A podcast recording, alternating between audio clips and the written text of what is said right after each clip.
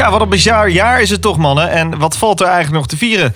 Uh, hoewel we niet zoveel mogen in deze lockdown, zijn wij er natuurlijk wel. Want voor je op je kerstbord ligt namelijk...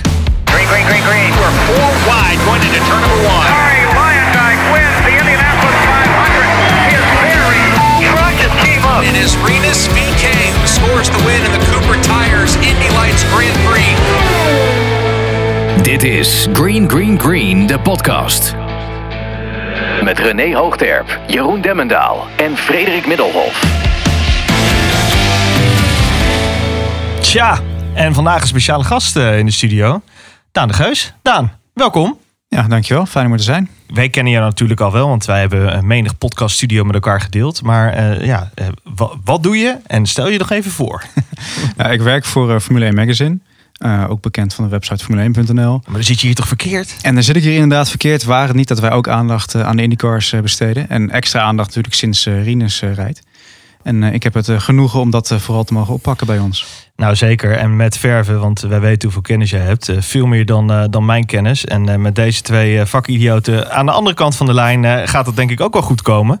René, hoe is het met jou? Ja, goed. Ik, uh, ja, voor mij traditioneel de laatste weken van het jaar lekker druk. Dus uh, ik mag steeds meer dingen wegstrepen. Dus ik hoop dat ik vanaf volgende week dan toch echt, echt uh, tussen kerst en oud en nieuw echt even lekker even vakantie heb. Dat is ook wel even fijn. En, en, ja. ik, heb, en ik, heb even, ik heb toevallig vandaag kreeg ik van de financiële administratie van Ziggo Sport kreeg ik het PO-nummer van 2021 kreeg ik. Dus ik weet niet of dat wat betekent dat ik volgend jaar ook mag ja, komen. Maar PO-nummertje, die heb ja, ik binnen in ieder geval. Ja, ja, ja, ja, ja. Goed teken. Dat is een goed teken. Nou, dan gaan we jou ook weer verenigd zien met, uh, met Rinus uh, aan de lijn. Uh, maar Jeroen, in Geutenborg, hoe, hoe heb jij het? Werk je veel thuis? Uh, ik werk eigenlijk vrij veel op kantoor ook nog steeds. Um, want het komt namelijk dat vrijwel iedereen thuis werkt. Dus kantoor is helemaal leeg. Dus dat is lekker rustig. Wat wij gaan doen, mannen. Wij gaan lekker reviewen op dit jaar. We gaan gewoon even alle... We hebben een aantal categorieën gedeponeerd op de Twitters. Die gaan we even rustig bespreken. En nou, jullie mogen allemaal jullie mening erover geven. Ik zou zeggen, laten we eventjes aftrappen met... Ja, we begonnen dit jaar een beetje vreemd. Want in het begin van het seizoen, uh, we hadden er allemaal zin in. St. Piet stond eigenlijk voor de deur. En uh, nou, dat ging dan eventjes niet door. The streets of St. Pete will be much quieter this weekend. IndyCar leaders pulling the plug. The series decided to cancel all races through April. IndyCar decided to cancel the first four races of the season. We took Lando out. Let's do it. That was close. That was so worth it. Santino, you want to explain that? Come on. It's for the TV. It's for the fans. So many freaking hours I put into driving that lift. Ja, wie horen we hier, mannen? Of het laatst? Dat was Lando, toch? Dit was Lando, ja. God, ik denk dat dit wel uh, het grootste relletje was in, uh, in het, het voorafgaand aan het echte, het echte raceseizoen. Ja, dat hele virtuele gebeuren. Uh, Jeroen, jij hebt er wel een duidelijke mening over, hè? over het hele virtuele race, of niet? Ja, nou ja, vooral dat ik er niet naar kijk en dat het me eerlijk gezegd uh, uh, niet zo heel veel kan schelen. En ik weet inderdaad dat heel Twitter in de fik stond toen dit gebeurde, omdat Simon Pagino het in zijn hoofd haalde om Lando Norris in een computerspelletje van de, auto, van de baan af te rijden. En ik dacht, waar maken we ons druk om mensen? Het is een computerspelletje. Maar schijnbaar had ik dat helemaal verkeerd begrepen. Ja, was vooral het feit dat het bekokstoofd was volgens mij, hè, waar veel mensen over vielen natuurlijk. Ja, maar ja, goed. Het blijft nog steeds een computerspelletje uh, bij gebrek aan iets beters. Ik vond uh, de ophef allemaal nogal, nogal overdreven. Um, maar ja, het grootste probleem was natuurlijk dat we alleen maar computerspelletjes hadden naar te kijken. En geen echte racerij, omdat het allemaal in het water gevallen was. Nou, ik wou zeggen, ja, vroeger keken we naar Justin Timberlake die een borst ontbloten van Janet Jackson. Dat was, dat was wat meer reuring dan dit, zeg maar. Het zijn gewoon een paar jochies die een beetje uh, boefje spelen in de digitale wereld, zeg maar. Nou, jammer. Voorafgaand dit seizoen, veel gebeurde natuurlijk. Roger Penske die de, hele bubs overnam. René. Ja, klopt. Ja, het was natuurlijk best wel... Wat, wat, was het? In november volgens mij, vorig jaar. Toen Roger Penske, de captain genoemd. Hele grote meneer natuurlijk in de Amerikaanse transportsector. Een instituut in de mondiale autosportwereld.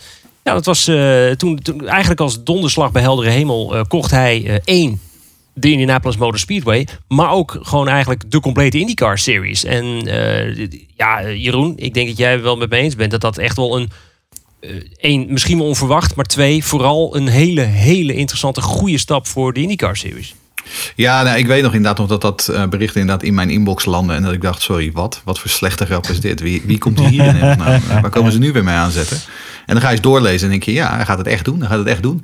Ehm, en bij nader inzien, hè, achteraf besproken, is het maar goed dat hij het gedaan heeft. Want eh, als Roger Penske de IndyCar Series niet had overgenomen, dan weet ik niet of de IndyCar Series dit jaar wel had overleefd. Ehm, ik hoorde onlangs dat eh, de, de Indianapolis Motor Speedway door al het gebrek aan publiek bij de Indy 500 eh, om en nabij de 80 miljoen dollar verloren heeft.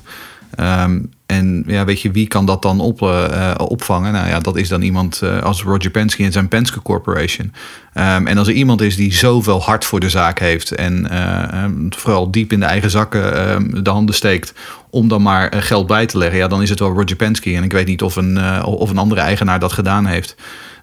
En natuurlijk, ongeacht de corona-impact, als je ziet alle ambities die hij heeft voor de Indy 500, voor de IndyCar Series. Ehm, ik denk ook dat hij een hoop meer deuren opent eh, qua sponsoren, qua eh, mogelijke nieuwe fabrikanten. Ehm, dus ja, uiteindelijk hebben we heel veel, eh, denk ik wel dat we er nog steeds heel veel voordeel van gaan zien, ook in de toekomst. Daarnaast, Daan, zagen we dit jaar voor het eerst de introductie van het Aeroscreen. Hoe is die jou eh, bevallen? Ja, ik moet zeggen, als je hem dan onder de juiste hoek eh, ziet, vind ik het wel heel vet. Een soort straaljager eh, cockpit haast. Van voren vind ik het dan weer, ja, ziet er niet uit. Maar ik denk dat we vooral heel blij mogen zijn dat er toch wel een aantal coureurs zijn. en Waaronder mogelijk Rinus, die er toch wel behoorlijk wat baat bij hebben gehad. Nou, absoluut. Want ik denk dat we daar zo meteen nog even op terugkomen. Maar die heeft in zijn vlucht natuurlijk ook nog wel wat mensen meegenomen. Colton Hurta, toch? Nou ja, dat was natuurlijk vooral de fout van Colton Hurta, die gewoon niet op zat te letten. Eh, Ja, ja. eh, en die niet naar zijn, eh, naar zijn spotter luisterde. Eh, maar ja, absoluut. Ik denk dat dat meteen een incident was vrij vroeg in het seizoen. Dat eh, eh, onbetwist aantoonde dat dat aeroscreen wel degelijk ehm, een nut heeft. Vooral als je de foto's na afloop ziet van eh, eh, hoe dat aeroscreen eruit zag. Ehm, hij heeft echt geluk gehad daarmee. Nou, en dan heb je ook nog, eh, dat was natuurlijk één eh, best wel heftig incident. Maar wat te denken van Spencer Pickett. Die op de kopse kant van de pitmuur Zo. eh, klapte. Dat was Absoluut. één, een harde klap. Maar ook vooral eh, de foto achteraf weer. Waarin je gewoon een ophangingsgedeelte in, half door het aeroscreen eh, ziet, ziet steken. Je moet er niet aan denken als het onderdeel echt de cockpit in kwam. Dus nee, ik ben eigenlijk wel groot voorstander van het aeroscreen. Ehm, maar ik moet eerlijk zeggen... ehm, als je nu beelden bewijzen van terugkijkt van 2019, 2018, dan denk je, jeetje, wat ziet dat er, wat ziet dat er naakt uit eigenlijk? Dus het is wel heel grappig hoe snel je eraan went. En, en we hebben het al eerder gezegd, ehm, natuurlijk, het is nu een, een, een koepel wat op een auto geschroefd is. Een beetje, een beetje lelijk misschien wel zelfs. Je weet natuurlijk als we een volgend chassis gaan krijgen, dat het veel beter geïntegreerd is. Dus eh nou hoor, ik, eh, ik ben een groot voorstander ervan, absoluut. Hadden jullie eigenlijk, eh, nou vraag ik even aan Daan. Had je eigenlijk nog het idee dat het überhaupt al van start zou gaan deze, dit seizoen? Nou, ik had er wel grote twijfels eh, bij. Zeker eh, als je ziet hoe, hoe ernstig dat virus in Amerika om zich, om zich heen greep. Ik was eh, toevallig in januari was ik in Amerika. Toen speelde er nog niks. En ik was bijna nog niet terug, zal ik maar zeggen, of het halve land was in, eh, in rep en roer. En dan weet je van, ja, dan is het aftellen naar maart. En dan wordt het steeds eh, meer penibel. Ehm, ja, en, en IndyCar, met alle respect, is natuurlijk toch een, een, een nationale serie. Dus dan is het ook wat makkelijker om te zeggen van... we slaan een jaartje over dan bij bijvoorbeeld een Formule 1, denk ik. Ja, want Jeroen, even teruggrijpend op dat eerste weekend. Hoe ging dit precies? Want het waren volgens mij eerst sessies die werden eh, gecanceld. Of, eh, Nou ja, de, de, het, het, het was heel laat, hè? Ehm, want eh die USF 2000, dus dat is zeg maar de laagste supportklasse rond de IndyCars, die waren al op de baan voor hun eerste vrije training. Die hebben zelfs een eerste vrije trainingssessie gereden. En vervolgens zou de Indy Pro 2000, dus de tweede klasse, die zou de baan op gaan. En dat duurde maar, en dat duurde maar, en dat duurde maar. En toen kwam er een persconferentie eh, eh, ingeroepen door de burgemeester, eh, Rick Reiseman van eh, St. Petersburg. En die zei, jongens, het feest gaat niet door. Ehm, en en bij, bij de IndyCar teams waren ze hun auto's al aan het voorbereiden voor hun eerste vrije training. Ja, die konden gewoon weer regelrecht de trailer in. Ehm, dus ja, het, het gebeurde heel laat. Het net als, net als in, in, in Melbourne eigenlijk, wat we in de Formule 1 zagen. Dat, dat, was natuurlijk ook heel, dat gebeurde ook heel laat. Ehm, maar dat was nog wel, nog wel later, denk ik. Ehm, maar ja, het, het, was, het, was, het was zonde. En daarna, weet je, in de, ma in de weken en maanden daarna ging het natuurlijk heel erg hard. Eerst ging Alabama ging eruit, Long Beach ging eruit. Eh, vervolgens kwam natuurlijk hè, eh, het, het, ehm, de, de aankondiging die niemand ooit aan zag komen. Namelijk dat de Indy 500 niet in mei verreden zou worden. Tja. Ehm, en toen opeens hadden we inderdaad Texas als, eh, als, als nieuwe seizoensopener begin juni. Ja, spreken we daarover. Dus uiteindelijk twaalf weken na die extra winterstop die werd ingelast... gingen we dan toch eindelijk los in Texas. 37 weken hebben we moeten wachten. Maar daar is het dan eindelijk zover. Voor de eerste keer in 2020 is het green, green, green. Vanochtend was het de vijfde keer slechts dat uh, Rinus überhaupt in een IndyCar startte. En dan moet je nu meteen een 4 race debuut maken. Ik geef het hem te doen. Ik zeg, oh, eraf! Twee rookies, twee auto's in de schade. En zo eindigt de eerste wedstrijd voor Rinus van Kalmthout. I have to say sorry to the team. Dixon won hier in 2008, 2015, 2018 en wint ook de eerste wedstrijd in 2020. Ja, René, vond je het eigenlijk een goed idee om in Texas te starten? Nou, ik, achteraf is natuurlijk heel makkelijk praten, maar het is echt. eh, volgens mij hebben we dat zelfs voorafgaand aan het seizoen. hebben we een uitgebreide preview gedaan over hoe Texas, hoe heftig dat is. Eh, zelfs eh, ten opzichte van bijvoorbeeld de Indianapolis Motor Speedway. De snelheden zijn bijna vergelijkbaar, maar de oval in Texas is natuurlijk vele malen heftiger. Eén, omdat hij korter is. eh, eh, de, G-krachten, hoge banking. Het is eh, ongelooflijk lastig. En dan zeker ook voor de rookies die dus eh, moesten gaan deelnemen. Ja, ik, ik, eh, wat ik volgens mij ook al net zei. eh, Ik geef het je maar te doen. Dan moet je dus je debuut maken op Texas. En vooral, en daar kan eh, Daan misschien ook wel over eh, mee, eh, eh, mee babbelen. Het feit dat alles op één dag plaatsvindt. Je hebt dus niet eventjes het moment om, eh, om, om s'avonds in je bedje te liggen en denken, nou, wat kan ik morgen beter doen? Nee, alles was op één dag. Dus dat, eh, dat is wel heftig. Ja, absoluut. Ik denk dat Rinus dat ook eh, een paar keer heeft aangehaald. Onder meer in deze podcast natuurlijk. Hè, dat die, eh, die orientation die ochtend eigenlijk, die ging heel goed. Hè, die, die training waarin, hij meedeed. En dat gaf toch een soort, soort overmoed misschien. Hè, een soort eagerness. En ja, toen ging het natuurlijk mis in, tot twee keer toe eigenlijk. Waardoor hij ook de kwalificatie nog, nog miste tussendoor. Ja, dat was natuurlijk heel, heel jammer voor hem. Maar hij heeft er denk ik wel heel veel van geleerd. Ik vond het ook wel opvallend dat hij daarna zei van... ja, ik heb er wel even... Ja, maar was dit de, de klassieke rookie mistake die hij maakte daar? Ja, denk Ja, ik wel. En dan kun je hem ook met best in eerste race maken. Misschien heb je hem gehad. Wat je ook niet moet vergeten is dat het bloedje heet was hè, die dag. Want dat was het ook. Hij was natuurlijk in, eh, in januari, februari was hij al wezen testen op Texas. En eh, toen was het ongeveer rond het vriespunt. Ehm, en vervolgens kwamen ze nu in, in hartje juni in, eh, in Fort Worth, Dallas. Waar het, het kwik gewoon ruim boven de 30 graden is. En dan alles op één dag. En dan inderdaad die druk er bovenop na drie maanden duimen draaien. Ehm, ja, het was een klassieke rookie mistake. Dat gaf hij zelf ook meteen toe. Ging veel te snel van start. Hij had ook zijn hoofd niet op, eh, niet op orde. Dat, dat vertelde hij me later ook. Dat hij gewoon. Het was veel te druk in zijn hoofd. Normaal gesproken rijdt hij heel vrij. Dat had hij nu helemaal niet. Eh, dan zat er aan veel te veel dingen te denken achter het stuur. Ehm, maar aan de andere kant, wat Daan ook zegt, hè, dan maar in je eerste race. Want laten we wel wezen, daarna is het eigenlijk met uitzondering van die pit, pitstop op de Indy 500, is het gewoon niet meer fout gegaan. Ik vind het ook wel mooi dat hij later aanhaalde wat, wat René net zegt. Van, hè, normaal dan, eh, dan doe je zo'n training, dan ga je eens in je bedje liggen en dan, eh, en dan ga je dat verwerken. En dan een dag later eh, gaat het altijd beter eigenlijk. Dat Rinus ook aanhaalde van ja, ik heb er echt gewoon een, een paar dagen niet van geslapen. Weet je wel, echt een paar weken wel, zei hij volgens mij laatst nog. Het is echt in zijn hoofd blijven malen inderdaad. En het was ook een hele drukke tijd natuurlijk voor hem gedoe met het land binnenkomen. Dus hij had eigenlijk echt de, de minst optimale voorbereiding die je maar kan, eh, kan bedenken wat dat betreft. En, en dan is het ook wel fijn dat je dan ook wel een paar weken hebt voordat de tweede race is. Al, al- al- althans, ik kan me voorstellen dat het dan kan meehelpen. Maar als je alleen maar zit te malen, dat je voordat je, dat je bewijzen van denkt van nou wanneer mag ik nou een keer, dan kan het weer tegenvallen. Ik vond het persoonlijk wel fijn dat we eh, met de IndyCars eerder van start gingen dan de Formule 1, eerlijk gezegd. Want Dat, was, dat zorgde er wel voor dat. is vooral voor je persoonlijke agenda lekker. Nou, eh, nou, ik spreek wel een beetje inderdaad voor eigen parochie. Maar eh, iedere Nederlandse autosportliefhebber... die smachtte natuurlijk naar live autosport. Wat leuk hoor, dat virtuele gebeuren. Maar dat is natuurlijk niet het echte spelletje. Ja, en dan was Ziggo ook wel erg slim... om en de kwalificatie en de race op het eh, open kanaal uit te gaan zenden. Eh, mede ook omdat het in de nachtelijke uurtjes was. Dus dan is er toch niet heel veel anders eh, te beleven. Maar hey, we hadden wel gewoon een, eh, een race. En we hadden dus het, eh, het debuut van Rinus VK. Maar eh, helaas niet echt een debuut om prettig op eh, terug te kijken. Eh, nou, geen debuut, maar gewoon een begin van het seizoen om wel prettig op terug te kijken was eh, voor de geweldenaar uit Nieuw-Zeeland. Er is er maar één. De koude kikker Scott Dixon. Scott Dixon, die is helemaal spekkoper natuurlijk. Dixon wint ook op de Indianapolis Motor Speedway. We got lucky, man. The strategy, the, the team just nailed it. We got lucky with that caution. Wat een geweldenaar. Won de seizoensopener in Texas. Won zeven dagen terug in Indianapolis. En hij wint ook de eerste race van het weekend van deze doubleheader in Road America. Scott Dixon pakt 3 uit 3. That was awesome. Nou ja, eh, als we het hebben over Lewis Hamilton in de Formule 1, die eh, daar eventjes eh, als een bulldozer tekeer ging. Ik bedoel, ik denk dat de eerste drie races voor Scott Dixon wel vergelijkbaar ging.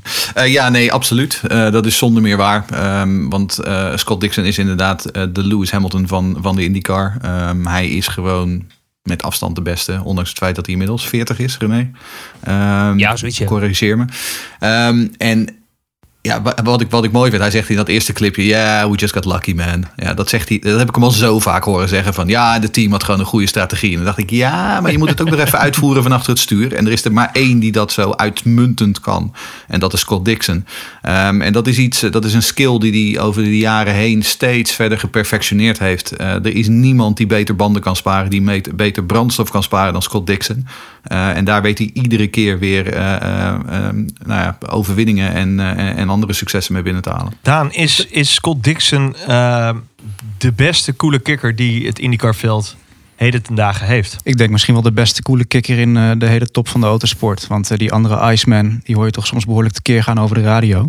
Dat heb ik met Dixon minder. En ik denk wat Jeroen zegt, hij, hij maakt eigenlijk zijn eigen geluk. Door de manier waarop hij rijdt, eh, hoe hij de auto kan sparen. eh, door, door in te halen wanneer het kan en door het niet te doen wanneer het niet kan. Met misschien een enkele uitzondering dit jaar. Maar eh, ja, hij, houdt gewoon alle mogelijkheden open voor zichzelf in zo'n race. Omdat een IndyCar race is toch soms een roulette. En het valt dan heel vaak, eh, ja, ik weet niet, wat is het, rood, zwart? Waar Dixon ook op staat, daar, eh, daar valt een balletje op. Precies. maar dat is ook, denk ik, in de- wat je al zo mooi zei. Van je, het geluk, dat creëer je dan misschien. Want Dixon is ook heel vaak zo iemand die halverwege een race kleurloos 14e kan liggen.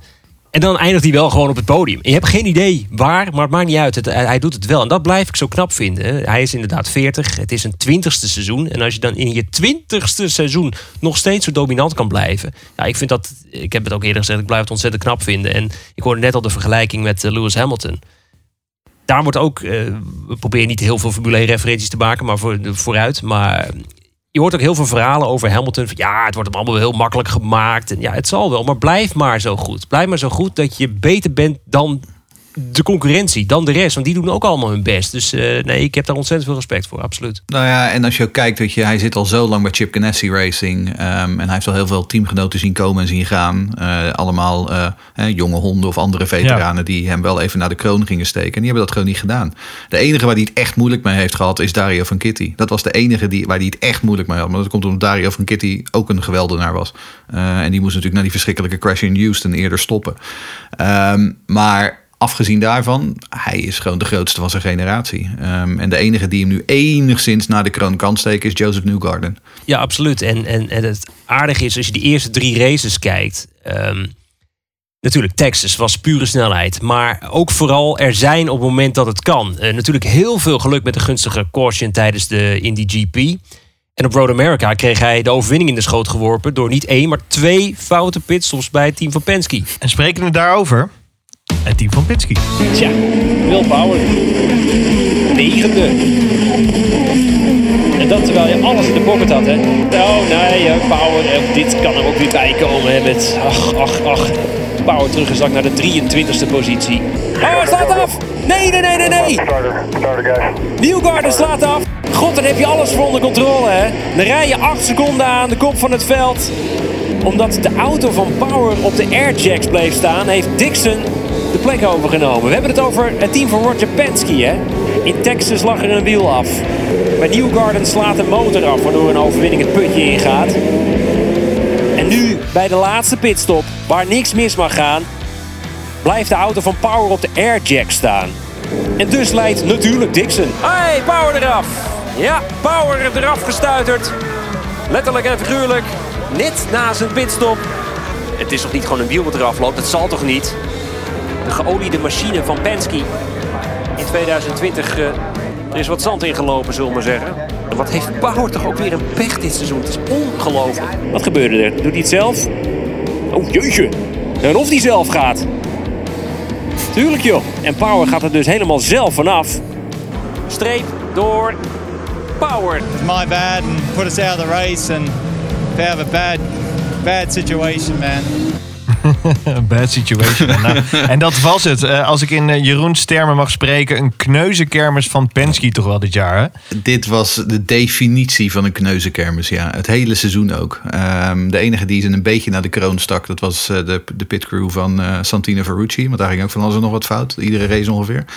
maar dit inderdaad, ehm zoveel fouten. En dat is ook heel erg niet, niet des Penske's. Dat was misschien wel hetgene wat het meeste opviel. Ehm, want wat, wat René ook zegt in zijn commentaar, Penske is normaal gesproken zo'n geoliede machine. Ehm, aan de andere kant vind ik ook dat ehm, ook de, coureurs hebben niet geleverd bij Penske. Ehm, ik, eh, Newgarden uiteraard heeft, heel goed, eh, heeft een heel goed seizoen gedraaid. Goed gevochten met Dixon. Kwam uiteindelijk net iets te kort. Maar Will Power, het, het kan vries of dooi bij die man. Eh, want hij, hij wint en de volgende eh, race dan stuit het hij er weer af. En de volgende race heeft hij weer een podium en dan weer een fout. En er is geen pijl op te trekken. En Simon Pagenaud is afgezien van die race in Iowa eigenlijk helemaal onzichtbaar geweest. Ehm, Nou, en, eh, nou was die, win, die winst in Iowa wel meteen een hele mooie, omdat hij vanaf de laatste startplek kwam. Maar Eigenlijk, Dat zegt, maar dat zegt ook alweer genoeg. Dat hij van helemaal achteraf moest komen. Ja, dat zegt er ook alweer exact. genoeg eigenlijk. Nou, en René, jij zegt, zegt ook alweer genoeg. Eh, de tirade die Will Power maakte in St. Petersburg, de laatste race, eh, zegt eigenlijk best wel says enough about his season, zeg maar. Ja, we hoorden eh, net in het fragmentje Power, dat was van St. Piet. Eh, en dan zei, die, eh, dan zei de, de, Amerikaanse verslaggever, die vroeg ook van ja, maar is het nou frustratie over het hele seizoen of puur deze fout? En dat vond ik een hele, hele goede vraag. En toen zei Power, nee, nee, nee, dit was alleen mijn fout. Maar eigenlijk is dit gewoon frustratie geweest voor het hele jaar. Want we hoorden in Iowa liep er een wiel af. In Texas is er een wiel afgelopen tijdens een pitstop. Zoveel ellende heeft Power ook meegemaakt. Ik denk dat, ze, eh, hè, eh, dat is ook een botte pech. Maar goed, in, wat was het? Road America ging hij er heel knullig vanaf. Eh, eh, het, is, het, is, het is gewoon niet het jaar van Power geweest. Dat is wel duidelijk. En hij wil niet eens over Pagino. Wel echt prachtige televisie overigens. Will Power in St. Petersburg. Eh, die met zijn helm en zijn zijn handset aan het gooien is en zo. Ik vond echt, echt geweldige tv. Hij was zo ongelooflijk pist met zichzelf. Ja, daar Echt kwam zijn eh, mid-Australische barbecue roots kwamen daar wel even opzetten. Eh maar Daan, hoe kan het dat zo'n legende als Will Power eh, nu zo matig presteert dit jaar? Is dit gewoon een, een one-off? Of zit hij gewoon echt in, in de herfst eh, nou, bijna schurend tegen de winter van zijn carrière aan? Nou, ik denk niet dat het een one-off is. Want je hebt altijd wel een beetje bij hem gezien dat hij, dat hij een soort grillig streak in zich heeft. Het is een jongen die ontzettend hard kan rijden. Maar het lijkt als bij hem niet klikt. eh, dat het dan ook echt niet klikt, zal ik maar zeggen. Dan gaat het ook echt, eh, ook echt mis. Ehm, in, in, die zin eh verrast me dat niet. Maar net als met Pagano, dat hij zo'n onbevallend seizoen rijdt. Ja, die jongen zijn bijnaam was, was Stelf bij, toen hij nog bij Schmidt Petersen zat. Ja, het is gewoon een jongen die ideale sniper om te hebben, zal ik maar zeggen. Als je hè, vanaf de vijfde plek of zo moet komen. Maar hij, hij heeft zoveel races dat hij gewoon niet thuis geeft. Jeroen, hoe was dat vroeger eigenlijk met Power in, in de opstapklasse? Had hij dan ook al zo'n zo'n vurig karakter als, als het niet ging? Eh, ik, ik moet heel eerlijk zijn, ik ken hem niet zo goed uit de opstapklasse. Maar ik ken hem wel uit de Champ Car. En Dat was nog eh, voor de huidige IndyCar Series. En toen, ja, ik bedoel, toen was het ook al een beetje wat Daan zegt, grillig. Eh, want hij is ontzettend snel over één ronde. hè. Ik bedoel, hij heeft dit seizoen wel gewoon weer 38 pole positions gereden. Eh, hij staat inmiddels, inmiddels gewoon tweede of derde op de all-time lijst voor eh, pole positions.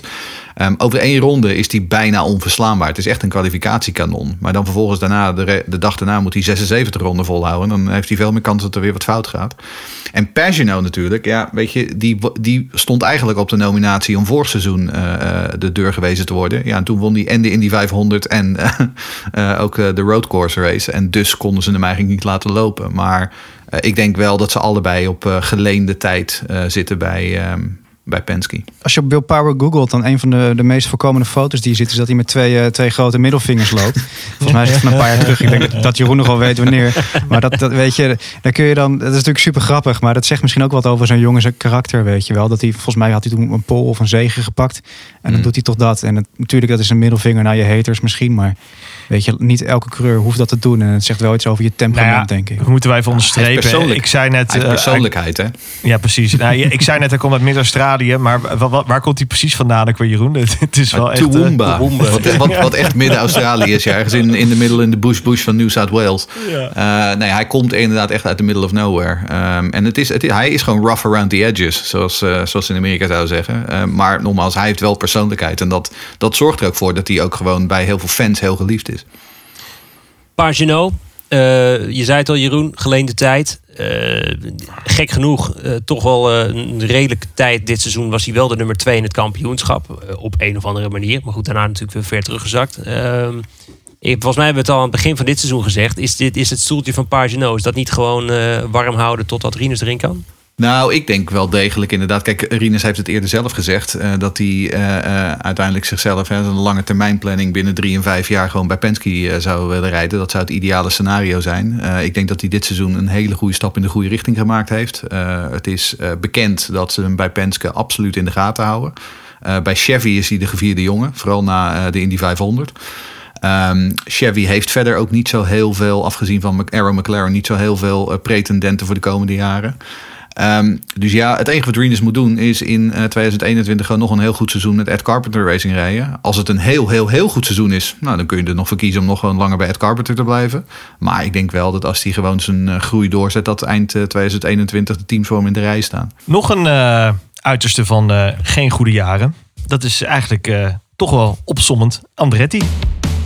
Ik vraag me af wat er hier allemaal gebeurt aan de linker achterzijde van diverse auto's. En diverse Andretti-auto's. Problemen voor beide auto's. Links is de auto van Alexander Rossi, rechts de auto van Ryan Hunter Ray. Rossi is daar rechtdoor geschoten. Oké, Zack fietst er ook af. Nou, ik heb nu drie Andretti's daar zien grasmaaien. Oh, Rossi! Rossi geeft een zet. Ja, ja, ja. Rossi en Sato die elkaar raakten. Unsafe release. Hij krijgt een straf. Hij moet helemaal naar achteren. Hij wordt achteraan de lead lap gezet. Ja, ja, en daar houdt het op voor deze Rossi. En dit eh, ziet er eh, uitermate knullig uit, maar het is heel erg lastig daar op dat punt. Geen bandenwarmers en zelfs een Ryan Hunter Ray, drievoudig winnaar van de wedstrijd hier, maakt wat dat betreft een eh, rookie mistake.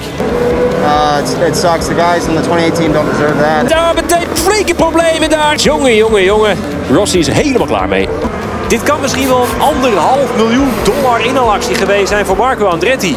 Nee, Andretti, lekker band. Daar gaat die anderhalf miljoen. Oh nee, Rossi eraf. Rossi eraf, ook op de marbles. En daar gaat zijn kans op een overwinning. Voor mij was dat wel echt het moment van het jaar. Het eigenlijk eh, het teniet doen van het prachtige kerstcadeau dat Marco aan zijn vader zou had kunnen geven.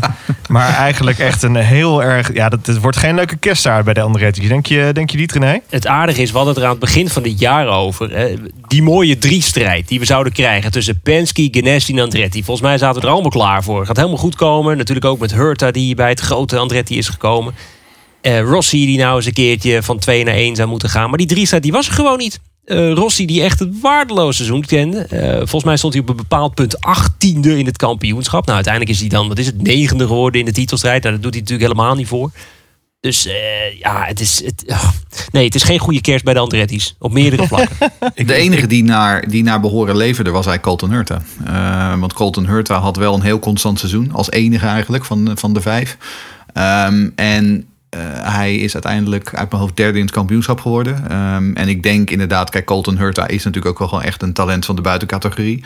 Ehm, en ehm, als Alexander Rossi niet oppast, dan is hij eh, straks eh, eh, kopman af bij Andretti. Het vroeg me inderdaad Maar- af. Is Hurta niet al eh, aan de stoel aan het zagen? Nou ja, kijk, ze zetten Hurta nu ook eh, in de Gamebridge auto eh, waar Zack Veach in zat. En waarom doen ze dat? Ja, omdat Gamebridge willen ze voor de lange tijd eh, vastleggen. Gamebridge is een grote verzekeringsmaatschappij uit Indiana, betaalt goed. En ja, die willen gewoon niet meer Zack Veach hebben. Die wil gewoon de star power van Colton Hurta hebben. Zo simpel is het. Ehm, want dat is het wel. Hè. Kijk, ze, ze hebben vijf auto's, maar ze waren zo dun gespreid. En dat is volgens mij wel een beetje het probleem bij Andretti. Want Veach en, en Marco Andretti, die rijden natuurlijk gewoon volledig voor spek en Nou, Veach is nu weg. Eh, Marco die zal volgend jaar ongetwijfeld weer terugkomen. Eh, God mag weten waarom. Ehm, en dan heb je Hunter Ray, die er een beetje tussenin hangt. Hunter Ray is natuurlijk wel een beetje vergane glorie. Eh, als hij een hele goede dag heeft, dan doet hij wel weer mee voor de dagprijs. Maar de strijd om de titel is ook wel een beetje voorbij. Dus het moet echt komen van Rossi en Hurta. Ja, en als Rossi dan de halve seizoen niet thuis geeft, ja, dan wordt het wel zeuren. Daan, waar heeft Andretti het voor jou laten liggen? Ik bedoel, ik, voor mij staan ze echt synoniem dit jaar als de Beun de Haas eh, van mij op de hoek, eh, zeg maar. Ja, is eigenlijk de tweede kn- kneuze kermis dit inderdaad. Ook gewoon een top 10 of top 10 pretendent eh, onwaardig. Ik moet zeggen, ik zit me nu eigenlijk al de hele tijd af te vragen... wat moet Marco Andretti in hemelsnaam nu voor cadeautje voor Michael kopen? Want eh, ja, er moet toch, er moet toch iets flink eh, onder de kerstboom komen... in plaats van die, eh, die bonuspremie. Ja, waar ze het hebben laten liggen, ik durf het niet te zeggen. Ik denk dat ze zich misschien hebben verkeken op de invloed van... Het, ja, dat kun je dan zeggen van het aeroscreen op, op, op, op het chassis... Uh, maar je zou toch verwachten van Andretti een team dat juist bekend staat omdat ze zo goed kunnen ontwikkelen, dat ze zo'n enorm goede eh, ja, afdeling hebben die die dampers eh, doorontwikkeld, waar zoveel performance zit, dat die dat wel moet kunnen oplossen. Maar het is niet gelukt. Nou, en dat is dus het rare. Hè? Ze hebben vijf auto's. Hebben zo ongelooflijk veel data. En uitgerekend Andretti is het team dat, eh, dat Aeroscreen niet onder de knie krijgt. Dat is ook wel heel opmerkelijk.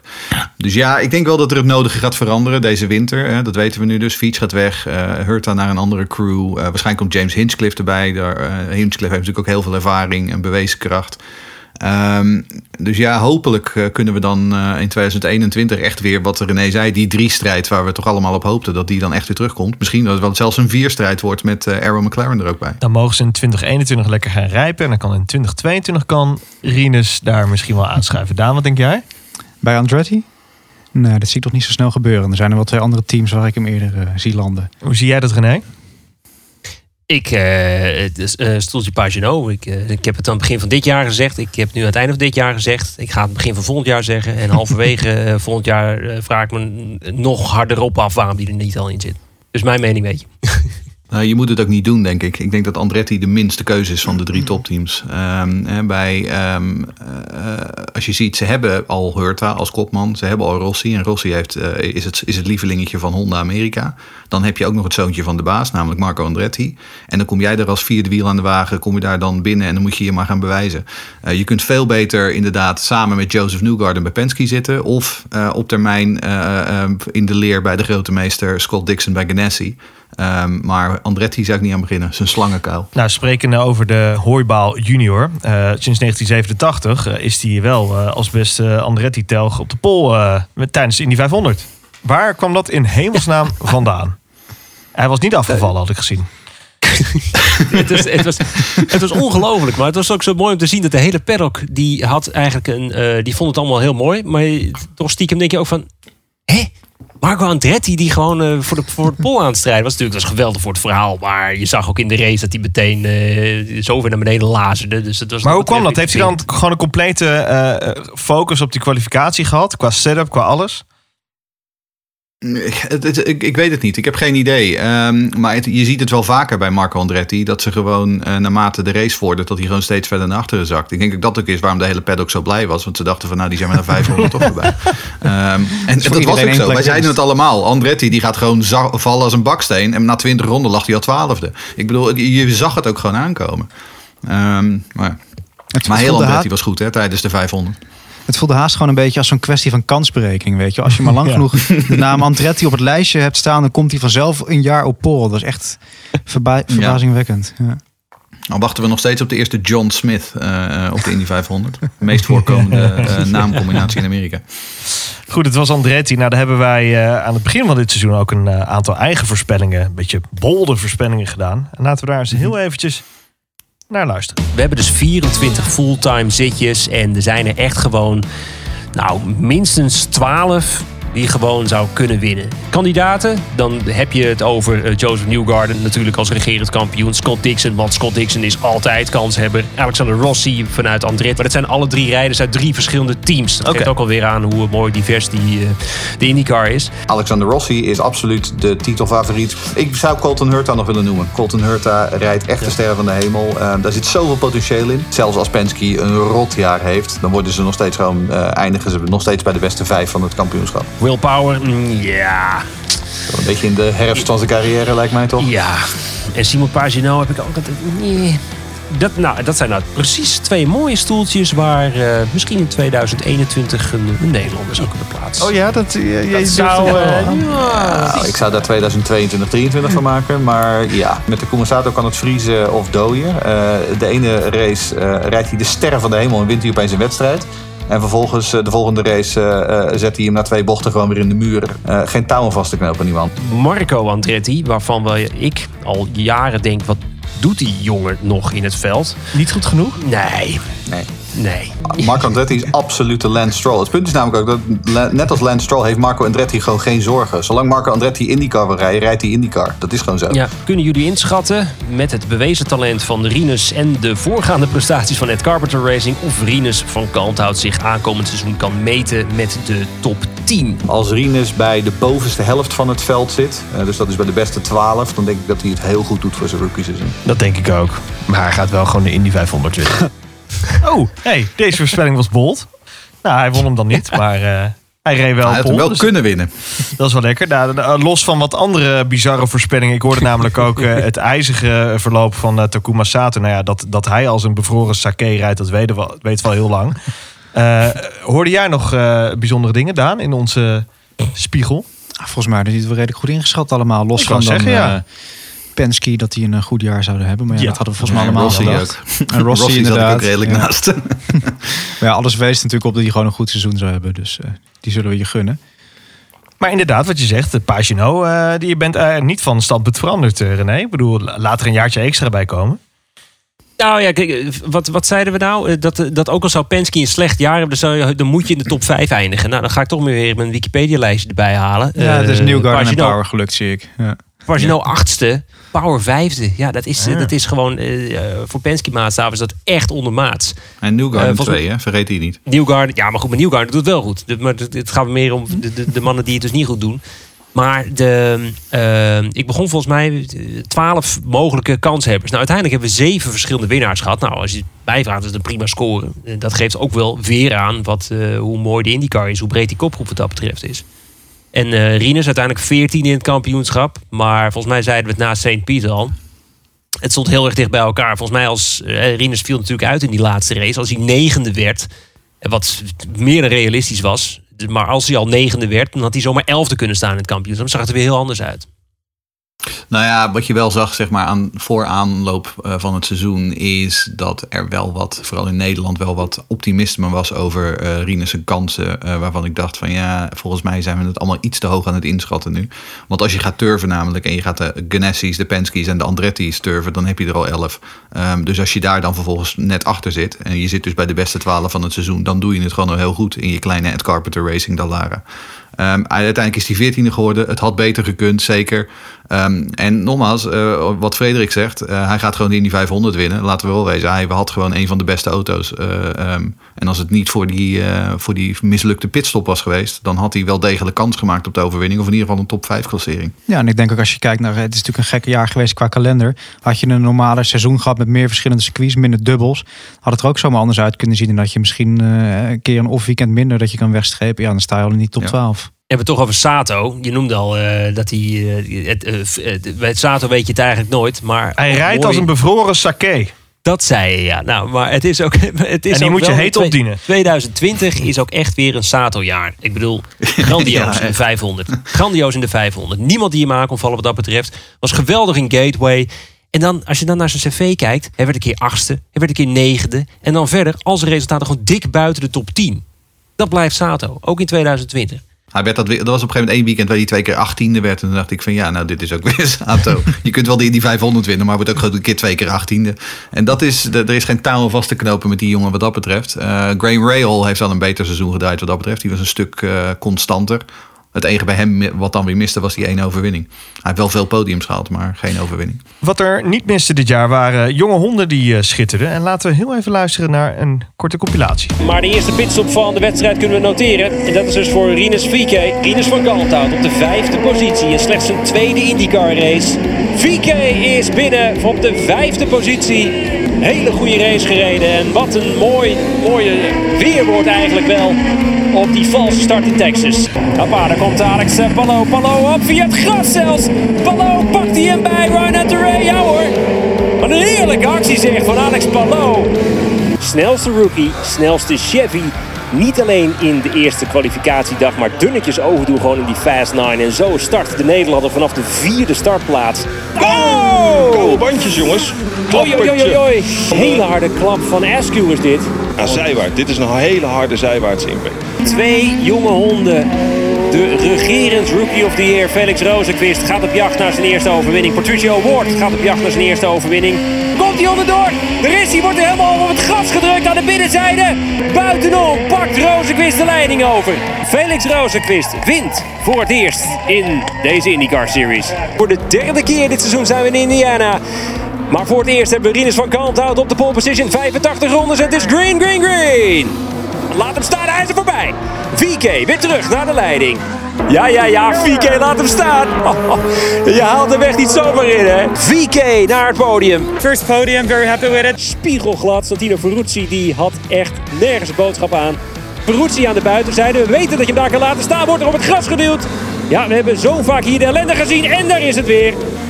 Hurta wint voor Andretti op Mid-Ohio. Oh, daar is Rinus VK. Ach, ach, ach, met Scott McLaughlin. Ja, dat was een eh, hele mooie compilatie van een aantal eh, geweldige rookies eh, die we daar hoorden. En eh, natuurlijk ook eh, Felix Rozenquist. Eh, ik dacht eigenlijk dat je daar wat vogeltjes achter zou zetten, René. Achter Rozenquist. Want daarna hebben we niet heel veel van hem gehoord meer.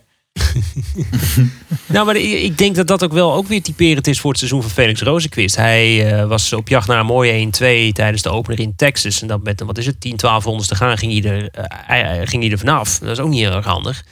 Ehm, ja, hij had die overwinning.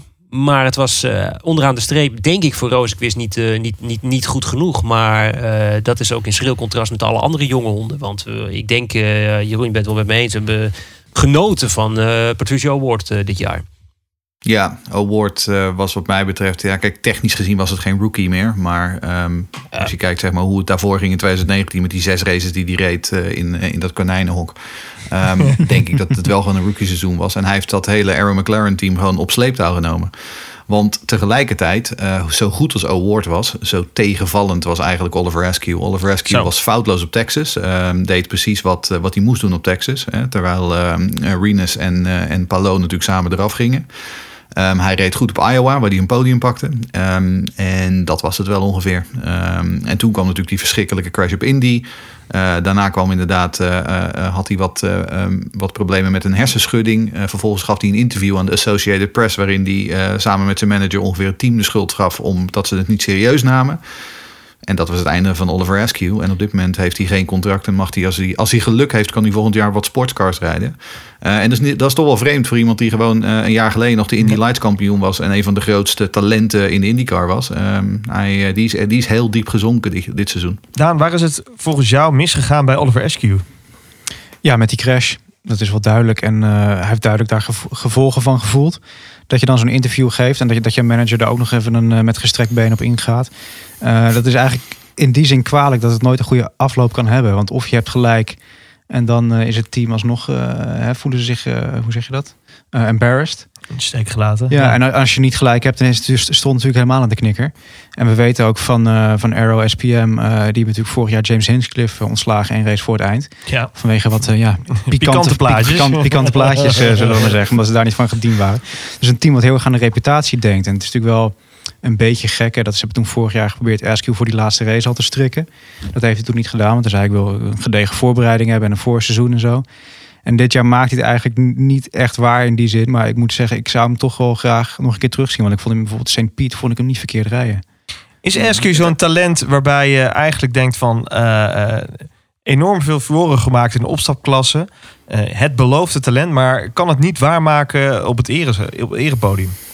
Nou, ik denk dat dat wel een beetje... Hij, hij is een heel ander type als bijvoorbeeld Palou en VK. Want Palou en VK rijden veel meer op gevoel. Askew is veel meer een denker. Eh, om heel eerlijk te zijn, Askew heeft ook echt de persoonlijkheid van een pak yoghurt. Eh, dat, dat werkt ook niet in zijn voordeel.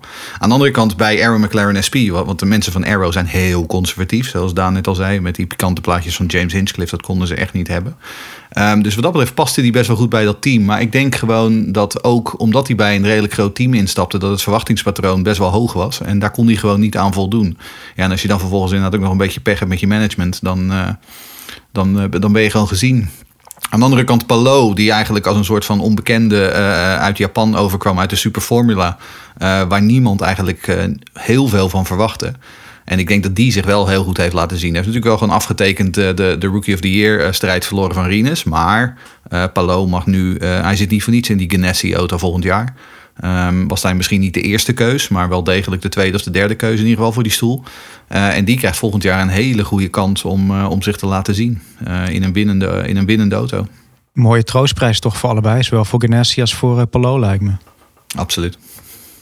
En we hebben nog één eh, jonge hond eh, eh, nog niet eh, gehad. Eh, hij had een, negatieve hoofdrol in het virtuele race aan het begin van dit seizoen. Maar ook nou, hadden we veelvuldig van hem, nou ja, van hem kunnen meekrijgen. Nou, mis- misschien, maar dan op de verkeerde manier. Eigenlijk te weinig hebben we van hem gezien. Hij had natuurlijk een mooie eerste startrij met Ohio... om dat vervolgens naar 500 meter weg te gooien. Ferrucci zien we dus ook volgend jaar niet meer terug zoals het er nu uitziet. Dat is dan eigenlijk ook weer opvallend. Ja, nou ja, eh, Santino Ferrucci, zoals ik het begrijp, ehm, hij had een, eh, een redelijk groot sponsor. Eh, en die heeft gezegd van, we gaan je de eerste paar jaar gaan we je op gang helpen. Ehm, en dan na een paar jaar dan trekken wij ons terug. Want ook voor ons zit er een limiet aan. En vanaf dat moment moet je het zelf doen. Ehm, en hij heeft in de afgelopen jaren schijnbaar toch niet genoeg te eh, laten zien dat hij ergens een eh, betaald stoeltje heeft kunnen krijgen. Waarbij hij betaald wordt in plaats van dat hij moet betalen. En dus gaat hij nu eh, volgens, mij- volgens mij NASCAR doen volgend jaar.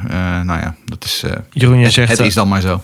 Jij zegt Oliver Askew eh, heeft het, de persoonlijkheid van een pak yoghurt. Maar naar mijn, mijn inziens was Ferrucci natuurlijk ook betrokken bij een aantal incidenten hier in Europa nog. In de opstapklasses, waar hij ook niet echt heel erg vriendelijk voor de dag kwam. Is dat nog een steeds een soort van vlek die over hem heen Nou, zit? hij heeft in Amerika wel heel erg. Hij probeert wel heel erg eh, ehm, de ideale schoonzoon uit te hangen. Vooral in de pers en op de tv. eh, heel erg van eh, ja, maar ik onschuldig en ja, ik ben, ik ben mijn wilde haren verloren. En, Heeft hij dat ook daadwerkelijk? Nou ja, ik, als je ziet wat hij op de baan uithaalt af en toe. Want ik bedoel, hè, ehm, we hebben later, we hebben straks tijdens onze awardshow de Wanker of the Year Award. En dat is geïnspireerd door de befaamde uitspraak van Colton Hurta. Die hem inhaalde op tijdens de Harvest Grand Prix. En vervolgens zei, haha, wanker.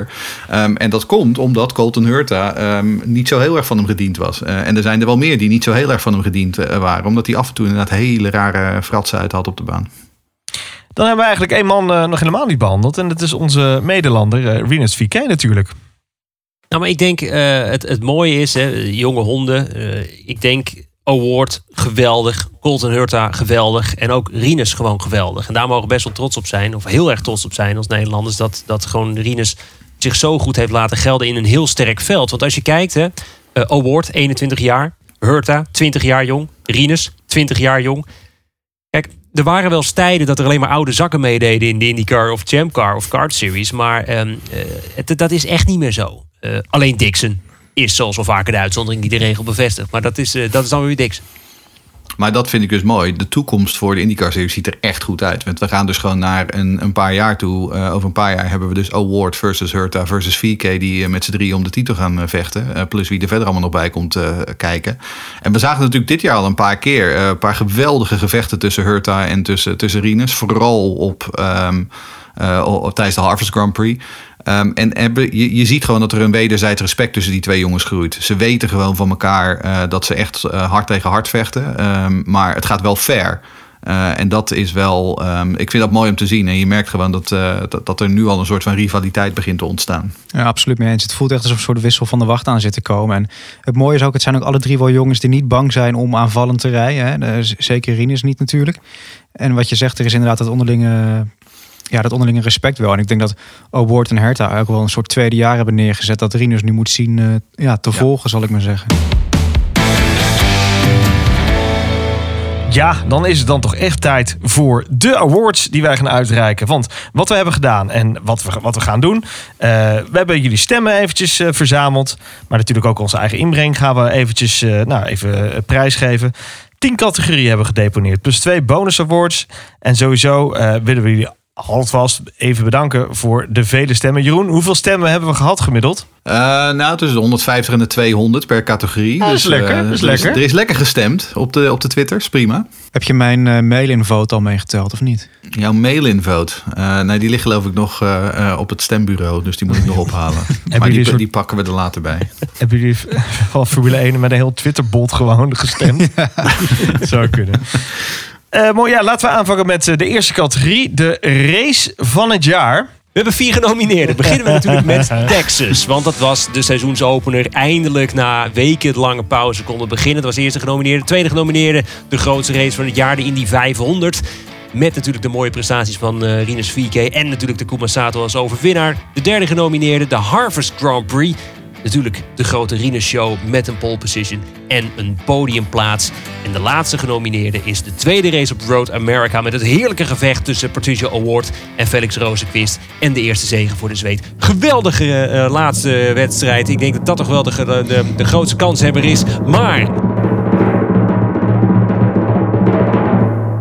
ja, de winnaar is uiteindelijk toch de Indy 500 geworden. En het eigenlijk stiekem is dat helemaal niet zo De Indy 500 dus, de, de winnaar van de race van het jaar... met maar liefst 49% van de stemmen. De award gaat naar Roger toe. Woord gaat naar woordje toe. Daan, ben je het ermee eens? Nee. Sorry.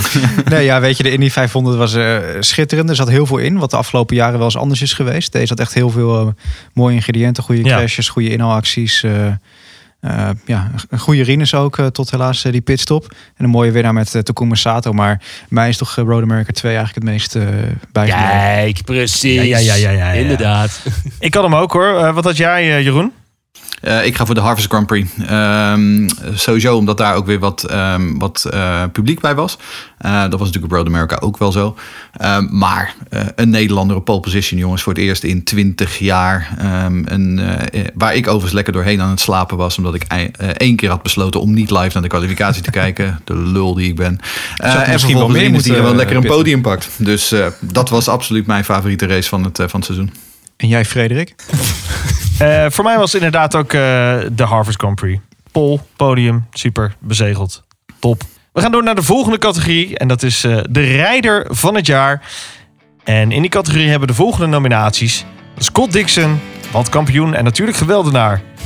Joseph Newgarden, want veel beter dan die andere stomme Penske's. Hij Pato Award, een uitstekend seizoen gereden. En een eerste volledige seizoen voor eh SP McLaren. Of toch gewoon uiteindelijk Scott Dixon. En de winnaar is... Rijder van het jaar.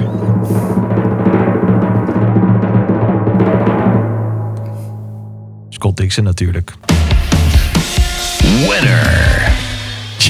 Wat moeten we er nog meer over zeggen van Scott? Ik bedoel, Volgens mij, als je de percentages bij elkaar optelt, kom je volgens mij op 82 procent. 82%, Dus ik denk dat dat, is, zich eh, niet zo. eh, een- een dat is bijna unaniem. Daan, wil jij hier nog iets over kwijt? Nee, nou ja, Joseph Newgarden, eh, jammer voor hem. Aardige jongen, maar eh, het is niet de rijder van het jaar geworden. Ja, nee, echt aardige jongen. Ik ben hem een keer tegen het lijf gelopen toevallig. eh wat, wat bijna heel pijnlijk afgelopen, want het is echt een flinke vent. Maar, eh, Waar was dat? In eh, Circuit of the Americas. Ja? Bij de. Formule 1 race was hij toen. Maar eh, ja, weet je, ik vind dat hij een geweldig eh, seizoen heeft afgeleverd ook. Maar eh, je kan gewoon niet om Dixon heen, denk ik. ja, ik vind het toch jammer. Want ik had toch gewoon eigenlijk... eh, Ik weet dat wij hier intern op de redactie heel erg eh, hebben gepraat over deze nominaties. En ik zat maar. Ik zei, nee jongens, ik wil Dalton Kellett erbij hebben. En jullie mij, nou kom op, nou, hou nou toch op joh, Dalton Kellett. En ik zeg, nee, Dalton Kellett jongens. Dus ja, ik ben nog steeds een beetje heartbroken dat ik, dat ik niet op Dalton Kellett kon stemmen. Troost het je dan dat hij een nieuw zitje heeft eh, voor volgend jaar? Ah, dat dan weer wel, toch? Ja, exact. En een leuke vriendin, zag ik. ja, dat, jij vond zijn vriendin wel leuk geloof ik, hè Fred? Ja, die mag je best wel meenemen het bed ook. Eh, dan gaan we naar de volgende categorie. De crash van het jaar. Jeroen. Ja, de crash van het jaar. Nou, daar hadden we er natuurlijk ook nog wel een paar van. Ehm, en ook hier weer vier nominaties. Ehm, de eerste, dat is die verschrikkelijke klapper tussen Renus VK en Colton Hurta op Iowa. Eh, gelukkig liep dat allemaal goed af. Ehm, de volgende, die liep gelukkig ook goed af. En daar was ik eh, in eerste instantie helemaal niet zeker van. Dat was, die verschrikkelijke crash van Spencer Piggott op de, tijdens de Indy 500. eh, op de kop van de pitstraat. Eh, dan hadden we Connor Daly, die de muurtjes op Road America aan het testen was. en zijn US, US Air Force de Lara volledig afschreef. En de vierde, de nominatie, dat is natuurlijk die kneuze kermis in Gateway tijdens die race. waarbij de start er meteen zes man boven op elkaar reed omdat ze niet op zaten te letten. Ehm, alle vier hele goede kandidaten, eh, denk ik. Maar, kom er maar in. Ja, kom er maar in. Daar is die. De winnaar is met 40% van de stemmen de crash tussen Renus en Colton op Iowa. Winner. En wat een crash was dat. Daan, weet je hem nog? Ik weet hem zeker nog. Ja, we hadden het volgens mij wat eerder over nog hè, met, de met de aeroscreen natuurlijk. Eh, ik moet zeggen, ik vond het een, eh, het was een goede crash. Hè. Daar mag je van spreken, vind ik, als iedereen... eh, Ik was echt pislink, was ik. Ongedeerd wegloopt. Ja, ja. Maar ja, uiteindelijk kon, kon Colton er ook niet heel veel aan doen, bleek achteraf. Maar ik echt dacht van, ja, eh, Spotter, waar ben je? Ja, ik moet wel zeggen, die bij, bij Pickett, wat eh, Jeroen ook net een beetje aanhad, dat was echt degene die, daar kijk je naar en dan doet hij je gewoon pijn. Weet je wel? Ja. Ja, dat was ook wel duidelijk in het commentaar dat jij had, René, samen met eh Robert Dormels. Robert Dormels. Nou, dat kwam ook vooral. ehm, volgens mij zag ik een. eh, ik, ik moet het even teruggraven hoor. Maar volgens mij was het eerste shot wat we zagen. was die camera die op de kopse kant zit. En die hele muur die lag in tweeën. Dat je denkt: oh mijn god, ligt er een auto daaronder of zo? Of, of, of iets van die naart. Dus het was wel heel. eh, heel niet echt prettig plaatje om naar te kijken. Maar gelukkig eh, liep het eh, ook eh, hier weer goed af. Denken jullie met VK, moeten we er ook aan gaan wennen dat hij vaker bij crashes betrokken gaat zijn? Niet in de zin dat hij een crashmagneet is of zo natuurlijk, hè, maar het is eigenlijk een beetje onvermijdelijk hè, in IndyCars. Ja, aan de andere kant, wanneer was de laatste grote crash van Joseph Newgarden? Ik kan hem zo 1, 2, 3 niet voor de geest halen, dus het hoeft niet. Ehm, kijk, en als ik bij Scott Dixon denk, ehm, die heeft er ook nog wel een paar gehad. Eh, de Indy 500 een paar jaar geleden, wat, wat, wat was dan beste? Eh, die had zonder twijfel deze, eh, deze eh, award gewonnen dit jaar. Ehm, maar ehm, weet je, het hoeft niet. Ehm, eh, ook dat heeft denk ik te maken met eh, als je eh, met de jaren slimmer wordt, dat je gewoon weet wanneer hoe je uit de problemen, uit de problemen blijft. Ik zit ook te bedenken, ehm, natuurlijk, hij heeft twee auto's afgeschreven zelf, Rinus, hè, tijdens de, de, de vrije training in Texas en in de race. Maar volgens mij voor de rest valt het allemaal wel reuze mee. Wat, wat je echt, Ja. echt aan Rinus kunt toeschrijven. Want, die, want laten we niet vergeten, het is wel een klap met Rinus. Maar het was Colton Hurter die achterop klapt. Dat is het eigenlijk. Ja, ja, ja, Dus- dus- absoluut. dus, hij kon er niks aan doen. Nee, daarom. Dus ik, ik, ik heb wel het idee dat, dat, dat daar niet... eh, of Daan doelt op het feit dat hij gewoon volgend seizoen meer naar voren... en dat hij zich naar voren gaat knokken... en dat het misschien wel iemand is die hem wel laat staan. Ik denk, zoek het eventjes uit. Ja, het zou zomaar kunnen. Maar, Ik denk eh, wat Daan bedoelt is gewoon dat hij uit dat Ed Carpenter hok moet en gewoon naar voren moet. Zodat hij geen last meer heeft van deze ellende. Dat snap ik heel goed. Dat, dat, Dat zijn jij woorden. Ehm, dan gaan we naar de volgende categorie, René. Ja, eh, van schade naar eh, succesverhalen zullen we zeggen. Want dit is de inhaalactie van het jaar. Ook daar natuurlijk vier nominaties. Te beginnen met Takuma Sato en Patricia Award. Het was op Gateway, die mooi buitenom strak insnijden. Waarvan we dachten van, oh, dan gaan zo dadelijk weer twee auto's in de betonnen muur hangen. Nee, dat ging hartstikke goed. Sato die dus op die manier voorbij ging. Dan de tweede genomineerde. Inmiddels ook befaamd, eh, ook hier vaak in de podcast besproken. Met Rinus zelf ook. Het is namelijk Rinus die erbij betrokken is. Mooi buitenom bij zijn mentor eigenlijk misschien wel. Simon Pagenaud op Road America. Derde genomineerde, weer Rinus die erbij betrokken is. En Rinus die dan gewoon een half dozijn auto's denkt te passeren. En het ook daarin slaagt op Gateway. Het was eh, volgens mij half op een half oliespoor. En de laatste genomineerde is Felix Rozenquist en Award. In die race waar we het net ook al over hadden. In Road America. Maar uiteindelijk was het toch eh, heel erg duidelijk hoor. Met 71% van de stemmen is het Rinus buitenom bij een half dozijn aan eh, auto's op eh, Gateway. Hartelijk gefeliciteerd Rinus. Winner. En ook eh, de button komt jouw kant op. Hey, we hebben hem al een mok gegeven, hè? Die was Oh, eh, blijven hangen bij de is- is douane in... eh, ja, precies, in Florida. Eh, nou, als we dit lijstje even bekijken. Rinus buitenom bij een half dozijn op Gateway. Ik weet geen eens meer wie het was. Eh, het was best wel vet, toch? Het was super vet, ja. Ik zit te denken, je had zelfs nog een derde ertussen kunnen doen van Rinus. Die op uh, Hurta op, uh, wat is dat, Mid-Ohio? Buitenom. Hm. Ja, dat hij zo, ook woe, buitenom, Mid-Ohio, ja. ja. Het is Ja, een beetje Mr. Buitenom aan het worden. Hè? Ja, Twitter is de limiterende factor, zeg maar. eh, Ah, oké. Maar Eh, ik moet ook zeggen, die op Road America, want op Road America ging natuurlijk helemaal niks goed. Want die auto die lag het hele weekend voor geen meter. En toch, om dan in de carousel, wat zo'n lange rechte doordraaier is, waar maar geen, en- geen eind aan uit te komen. eh, om dan toch buitenom bij, eh, niet een andere rookie, maar bij gewoon de regerend Indy 500 winnaar Simon Pagenaud, om dan... om heel eerlijk te zijn, ik vond die op Gateway mooi, maar die op eh, in de carousel buitenom om eh, inhalen, dat is denk ik nog steeds mijn eh, favoriet. Ook vanwege het eh, begeleidende commentaar van Lee Diffie eh, van NBC, die helemaal door het lint ging. Ja, die werden helemaal gek volgens mij, ja. Ja, die werd helemaal gek. Are hoe- hoe kan me? dit? Geweldig. Hoe kan Ja, dit? Prachtig. René, ging je ook door het lint in het, eh, in het Nederlands dan? Eh, volgens mij wel, ja. nee, natuurlijk. Buitenlangs bij Blanchimont, eh, bij Paginot. buitenom Blanchimont, wat niet buitenom was. Maar dat is een discussie die ik al vijf eh, jaar probeer te Ja, hij haal hem gewoon in dit busstop. Daar ben ik helemaal met je Precies. eens. Maar dat is, eh, dat is een En dat andere- is ook de busstop niet trouwens, want die bestaat niet meer. Nee, dat dat is precies. een andere Maar, discussie. Voor, voor een andere podcast. Eh, op deze noot, eh, nou vrij helder toch? Laten we doorgaan naar eh, de volgende categorie. Dat is eh, de slechtste pitstop van het jaar. En eh, we hebben in deze categorie, eh, ja, waren er eigenlijk maar eh, een aantal droeftoeters eh, genoeg om deze categorie te vullen. En dit zijn er drie. En de eerste is alle pitstops van Penske. Kneuzenkervers nummer twee is alle pitstops van Ferrucci. En nou ja, eigenlijk toch ook wel een flinke gala aan... ja, ja, Madness is eh, ook Rinus zijn pitstop tijdens de Indy 500. Maar dan toch, ja, het is lastig kiezen tussen deze drie. Maar er moet toch een keuze worden gemaakt. En dat hebben jullie gedaan hoor, met eh, meer dan 100 stemmen op deze categorie. Ja, hoezeer we hem ook lief hebben, is het toch Rinus tijdens de Indy 500. Winner. Ja, weer een butter van Rinus. Maar eh, ja, dat was toch wel even een lelijke. Want wa- hij was wel lekker op weg op die Indy. En ik vond het zo ontzettend balen. De regie heeft het echt totaal gemist. Dus het was een beetje vanaf de bank eh, kijken van... ja, wat gebeurt daar? Jij zei het al, René. En ik had de tracker ook voor me. Hij blijft te lang stilstaan. Hij staat daar een minuut stil. En toen kwam hij hier op de baan. Maar jij zag direct dat hij al een ronde achterstand had. Dus daar klopte iets Twee niet. zelfs volgens mij. Dus dat was echt, Twee, eh, nou, echt een drama. Maar ehm, het, het ergste is, ehm stiekem wel, als we dit nu zo zien. eh, de pitstops van Penske, dat waren over het algemeen, over het algemeen fouten van monteurs.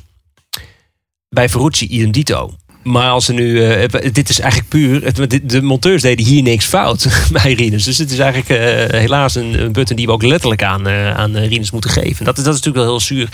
Ehm, we zijn wel een, eh, nou, een, chauvinistisch volk. Ik weet niet of dat hier juist de, de benaming is. Maar wel 64 procent, die, eh, de, de pitstop van Rinus. Maar het is natuurlijk het, het, het gevolg. En het is zo, zo zonde. Want ja, Jeroen, je zei het al. Van, God, hij, hij zat er zo lekker bij. En voor hetzelfde geld, ja, eh, moeten, moeten de volgende cautions dan misschien ook weer gunstig vallen. Je weet het niet. Maar ja, dan, je zit wel in de mix.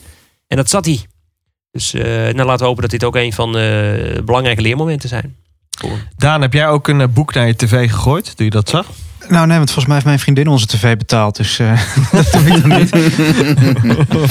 Laat dat het enige argument zijn. Nee, Plus ik- dat het ik niet in beeld kwam, eh, zowat. Ik ben, ik ben een wat coolere sportkijker wat dat betreft. Ik, ik win me daar niet zo over op. eh, maar ja, het was natuurlijk wel ontzettend balen voor eh, in de eerste plaats natuurlijk ook voor ons als, eh, als volgers van hem. En eh, ik moet ook zeggen, als je hem dan een paar dagen later eh, sprak... hij is natuurlijk ook hier bij jullie in de podcast nog geweest. Daarna had het wel snel op een rijtje. En klonk ik wel als een soort fout van... eh, die maak ik eh, nooit meer.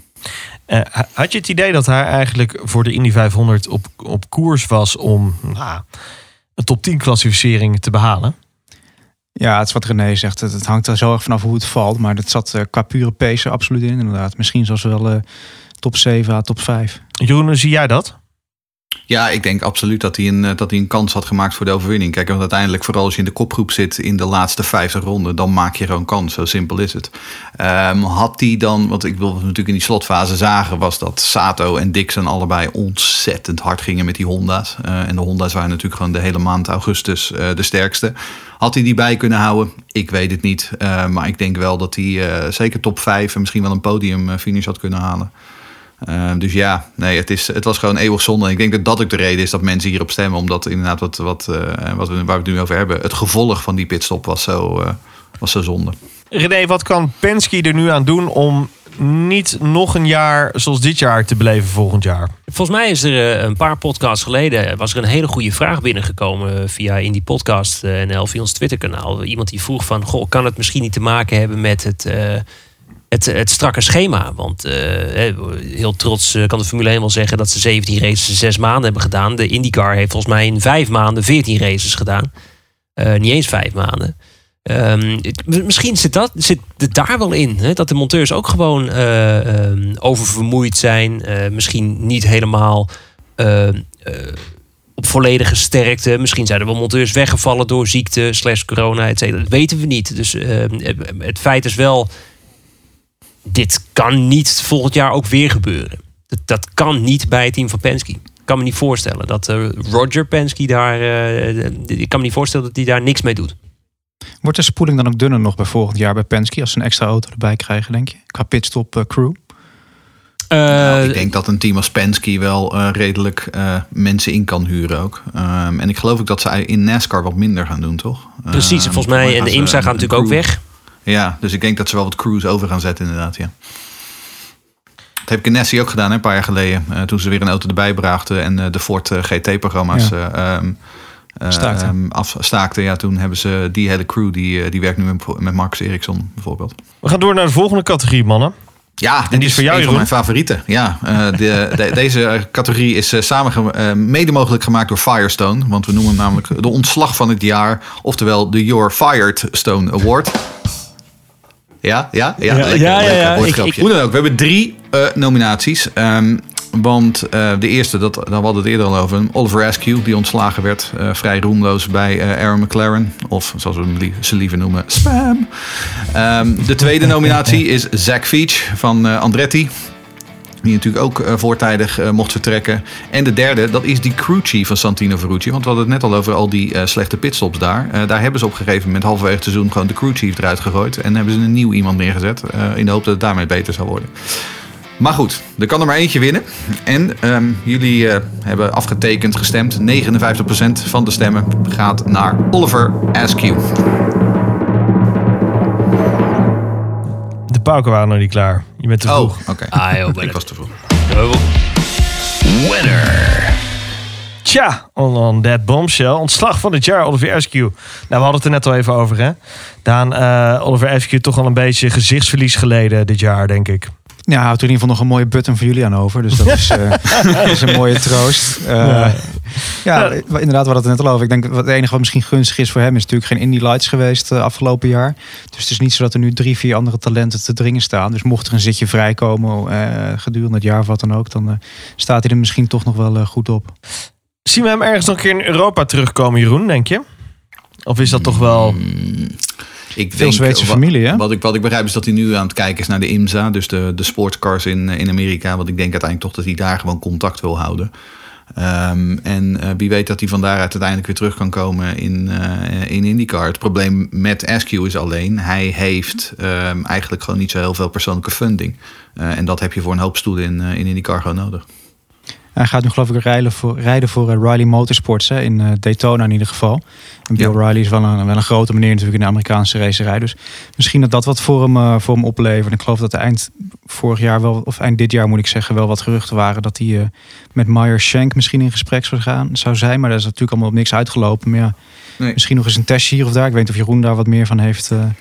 Eh, Nee, ja, nee, is uiteindelijk toch voor Helio gegaan. Uh, Meyer Schenk heeft het wel gezegd van... eh, we waren heel erg aan het, aan het kijken van... gaan we voor ervaring of gaan we voor een jong talent? En ze hebben uiteindelijk voor de ervaring gekozen... omdat ze met Jack Harvey natuurlijk al een relatief jong, ta- jonger talent hebben. Ehm, maar goed, op termijn, Schenk eh, heeft ook ambities. Dus misschien dat hij daar... eh, hij blijft daar altijd op de radar staan in ieder geval. Dan gaan we weer naar de volgende categorie. En eh, we blijven een beetje in het thema. De wanker van het jaar. Mede mogelijk gemaakt door Colton Hurta. Ja, Colton Hurta Ja. die heeft eh, zelf eh, eventjes gebeld of hij ook eventjes een, eh, een award mocht uitreiken. En eh, dat mag hij dan ook doen. De wanker van het jaar. Eh, vier genomineerden. De eerste genomineerde is natuurlijk Santino Ferrucci. Eh, meerdere redenen. Ik ga, ga niet eens allemaal opnoemen. Heel veel redenen. Santino Ferrucci. Will Bauer, de tweede genomineerde. Natuurlijk vanwege zijn, eh, nou, zijn, zijn, zijn, zijn, zijn theatrale boosheid in St. Petersburg. Heerlijk, Alexander heerlijk. Rossi in, eh, ook in St. Petersburg. Die, eh, die een bijna, nou zekere zegen, maar wel, eh, nou goed...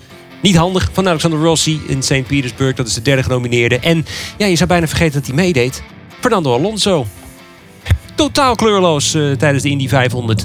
Dat zijn de vier genomineerden. En is het spannend? Percentages eigenlijk wel. Eigenlijk wel heel spannend. Maar het is niet een verrassende winnaar. Met 40% namelijk is de winnaar Santino Ferrucci.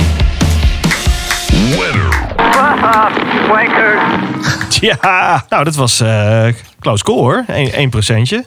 Ja, en Eh. eh, 1% op Fernando Alonso. Dat vind ik nog het mooiste. Op, op Fernando Alonso ook echt. ja. dat, dat is ook wel mooi. Eh, Daan, terecht. Lijkt me wel. Ik bedoel, ik weet niet of René nog alle redenen alsnog wil gaan opnoemen. Maar eh, Vooral eh, wat hij natuurlijk deed tijdens eh, de Harvest Grand Prix. Dat hij zich compleet verremde. wat hij op Mid-Ohio flikte. Ja, het is, het, is, het, is... We hebben het al over gehad net, maar... Santino Ferrucci vorig jaar nog, weten we nog wel dat hij, dat hij geweldig was tijdens de Indy 500, tijdens de herstarts. Toen roemden we hem nog eigenlijk. En veel te weinig van gezien dit jaar. Ik ben eigenlijk zo benieuwd naar een soort van dagboekje van Alonso rond de Indy 500. Wat heeft hij toen allemaal gedaan? Eh, was het voor hem gewoon een beetje een trip down memory lane? Ging hij alles een beetje af? Ging die, ging die musea af? Hij was totaal niet met zijn gedachten bij de baan op dat moment. En Ja, ik heb geen idee. Die auto evenmin. Alonso mee bezig. Nee, ik heb geen idee waar hij mee bezig was. Eh, want hij maakte natuurlijk ook een van die eh, befaamde beginnersfouten hè, in een van de trainingen. Waarbij hij ook met zijn auto onder de witte lijn kwam en vervolgens gewoon achterstevoren de pitstraat binnenkwam zeilen. Ehm, en zijn auto half afschreef. Ehm, en ik weet, ik weet niet waar hij uiteindelijk gefinished is in, die, in de Indy 500, maar iets van 22 of 23. Het, het, het, hij was echt helemaal nergens. Zo goed als hij was eh, tijdens zijn eerste Indy 500, eh, hè, toen hij eigenlijk gewoon eh, meedeed in de kopgroep. Ehm, ja, zo kleurloos was het nu. Dan gaan we naar de volgende categorie alweer. De grootste teleurstelling van het jaar. En daarbij hebben we de volgende nominaties voor jullie gedeponeerd op de Twitters. Alexander Rossi, geen moment in de buurt geweest van de titelstrijd. Ondanks die sterke eindspurt natuurlijk. Felix Rozenquist, ja, we hadden het er net al even over. Kon het namelijk niet doorgroeien naar een sterk debuutjaar. Ondanks eh, zijn eerste zege in Road America. Willpower, eh, fout na zegen, na fout, na zegen, na fout, na zegen. En zo eigenlijk door. Vriezen of dooien. Samen Simon Pagenaud, de zwakste van de Penske's en regelmatig onzichtbaar. Eh, man die eigenlijk na, in, het, in het najaar van zijn carrière zit en eigenlijk langzaam wel een beetje mag aftruipen van het IndyCar-veld. Maar ja, er is er maar één waar jullie op kunnen stemmen natuurlijk. En eh, dat hebben jullie met verven gedaan. Nou, wat wil ik zeggen met verven? Ja, het is er toch wel echt eh, eentje. Hij is kleurloos, zijn auto niet bepaald. Alexander Rossi. Winner. Heeft hij toch nog wat gewonnen dit jaar? Tja, een button. Daan? Ik val me op trouwens dat, eh, Ja, dat eh, Alexander Rossi... Ik, natuurlijk, ik, ik zou zelf ook Alexander Rossi eh, gezegd Ja, maar hebben. zelfs Daan, en je, je, je haalt je schouders ook op. Ja, wat kan ik eigenlijk van, van Rossi herinneren? Ja, ik, Nee, ik kan wel wat zeggen hoor. ik weet van de eindclip, eh, eh, de- de- waar ik de audio voor heb gedaan, René, voor jou, dat, dat hij kwam daarin voor omdat hij nog die, die schuiver maakte. Hard. eh, dat was op de, was dat ook met Indy? Was dat? Volgens Het mij is wel. ook gecrashed inderdaad. Ja. Ja, jij weet het ook al niet meer, zie ik. Nee, inderdaad. Maar het, het is, verder is hij vrij kleurloos geweest dit jaar. En eh, ook wel wat, nou, een beetje miskunkelig. Ja, gewoon een rampjaar. Al denk ik niet dat die crash in Sint-Petersburg het nog erger voor hem heeft gemaakt. Want Nee. dat was natuurlijk al absoluut eh vriespunt. Ehm, ja, uithuilen opnieuw beginnen volgend jaar. Maar het was een domme fout, dure fout. Net als op Indy natuurlijk. Volgende, eh, Jeroen. Ja, de volgende categorie, ehm, dat is ehm, de negende alweer. En dat is de livery van het jaar. Ehm, nou, daarvoor hadden we ook wat eh, eh, speciaal ingezonden, ingeschreven stemmen. Ehm, maar ehm, hè, zoals ehm, François Boulanger zou zeggen, die staan niet op de kaart. Die wel op de kaart staan, dat zijn de François volgende Boulanger. vier. Ik had niet verwacht François Boulanger, die ook bekend als Frans Bakker.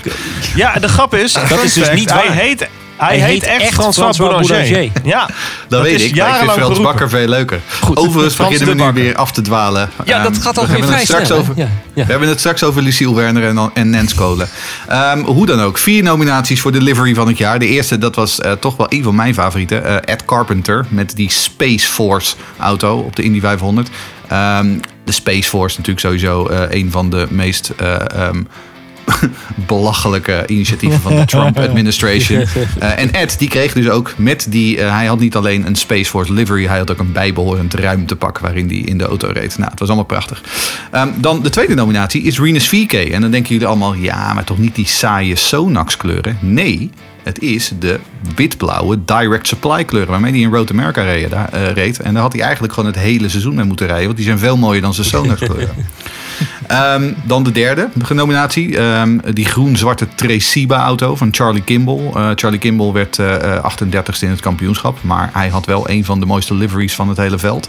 Wat is dat voor merk, dat Tresiba? Tresiba is een eh, leverancier van eh, insulineproducten voor insulinepatiënten. En eh, Charlie Kimball heeft zelf ook, is zelf ook insulinepatiënt. Dus daar maakt hij reclame voor. Ehm, en dan de vierde nominatie, dat is de kampioen Scott Dixon in die blauw-oranje PNC Bank kleuren. Ehm, daar konden jullie dus uit kiezen. Ehm, en kom er maar in met die pauken. Ja, goed zo, heel goed. Want dit was eigenlijk ook wel een hele afgetekende overwinning voor de vrienden van Space Force. Winner. Space Dragon. Carpenter dus. Space Dragon, ja, dat was weer wat anders. Zet shit man die livery. Daan, vond je hem ook te gek? Het was beter geslaagd dan de serie eh, Space Force op Netflix in ieder geval. Ja, die was niet zo goed, hè? Nee. Hoe noemde jou, eh, jouw betere helft, eh, Jeroen, ook altijd? eh, die, eh, het was een soort Ja, van Nou ja, die samengestelde het altijd- naam. die Space had het altijd Dragon. over de, ja, die had het altijd over de Space Dragon auto. Want die, die had meegekregen dat er een Dragon Speed auto was en dat er een Space Force auto wa- was. En in haar hoofd werden die samengesmolten tot de Space Dragon car. Contaminatie, ja Als, als die mee zou doen, de Space Dragon, zou het natuurlijk de instant winnaar zijn van de living. Ja, dat begrijpt iedereen Ja, ik wil ook een Space Dragon car volgend jaar. we gaan naar de volgende, René. Ja, een eh, mooie categorie, namelijk de teambaas van het jaar. We hebben daarin vier genomineerden. Chip Ganassi is daar de eerste genomineerde, want natuurlijk levert hij de kampioen. Roger Penske, want de held Roger Penske, we hadden het helemaal aan het begin van deze podcast over. Misschien als Roger Penske er niet was geweest, hadden we misschien nu helemaal geen IndyCar Series meer. Ed Carpenter, omdat hij natuurlijk zo eh, een, uh, een ballsy move deed door Rinus te, te contracteren, waar we hem nog steeds dankbaar voor zijn. En de vierde genomineerde, Bobby Rail, omdat hij de Indy 500 won samen met Takuma Sato. En dan ga ik, er gaat iets unieks gebeuren. Het is nog nooit eerder voorgekomen in de geschiedenis van de Green Green Green Awards eh, aan het einde van het jaar, omdat het de eerste keer is. Maar we hebben een extra. het is, het is, we hebben een tiebreak. We hebben een, de, de, de zware taak dat wij hier aan tafel de winnaar moeten bepalen. Want met 38% van de stemmen zijn het zowel Chip Ganassi als Ed Carpenter die bovenaan zijn gekomen eh, naar deze stemming. Dus wij moeten het zelf gaan bepalen. Moeten wij het dan weer afmaken? Oké. wij eh, moeten het nou, maar weer doen, ja. Wij moeten het maar weer doen. Eh, Daan en ik zitten hier in de studio. Daan, wij kunnen eventjes eh, eh, overleg voeren. Eh, Chip Ganassi, ja, wat vond jij ervan? Ja, is toch wel een held, hè, uiteindelijk. Sowieso, en als je de kampioen eh, naar zijn eh, zoveelste titel coacht, dan eh, verdient het ook wel een buttentje, denk ik. Vind ik ook. Ed Carpenter is gewoon een baas omdat hij gewoon teambaas is en zelf raced. Ja, en ik kan blijkbaar heel boos kijken, zei Rinus, in, de, in de in de vorige aflevering Klopt, ja. van deze podcast. Ja, klopt, ja. Dat, eh, ja, dat moet je als teambaas ook wel kunnen. Maar eh, ja, ik, zou hem pers- ik weet niet of we onze vingers moeten opspreken. Dat is, of dat is voor de luisteraars minder leuk. Maar Ja, ik denk, eh, wij zeggen Chip Ganassi, toch Denk wel? ik wel, ja. Stiekem, ja. Wat zeggen jullie Ik ga mee. Ik zeg Ed. online? Ik zeg Ed. Oh. Dat betekent dat het 3 tegen 1 is. En we hebben een... Winner. Ja, zeker. Dit is democratie, jongens. Eh, Chip Ganassi, eh, want is weer kampioen. En Chip Ganassi is gewoon een baas. Ik bedoel, dat is een teambaas. Dat is wat voor de Formule 1 een Paul Stollard is. Of, of een Frank Williams. Dat is Chip Ganassi toch ook wel in de IndyCar. Daar kun je niet omheen. Letterlijk en figuurlijk.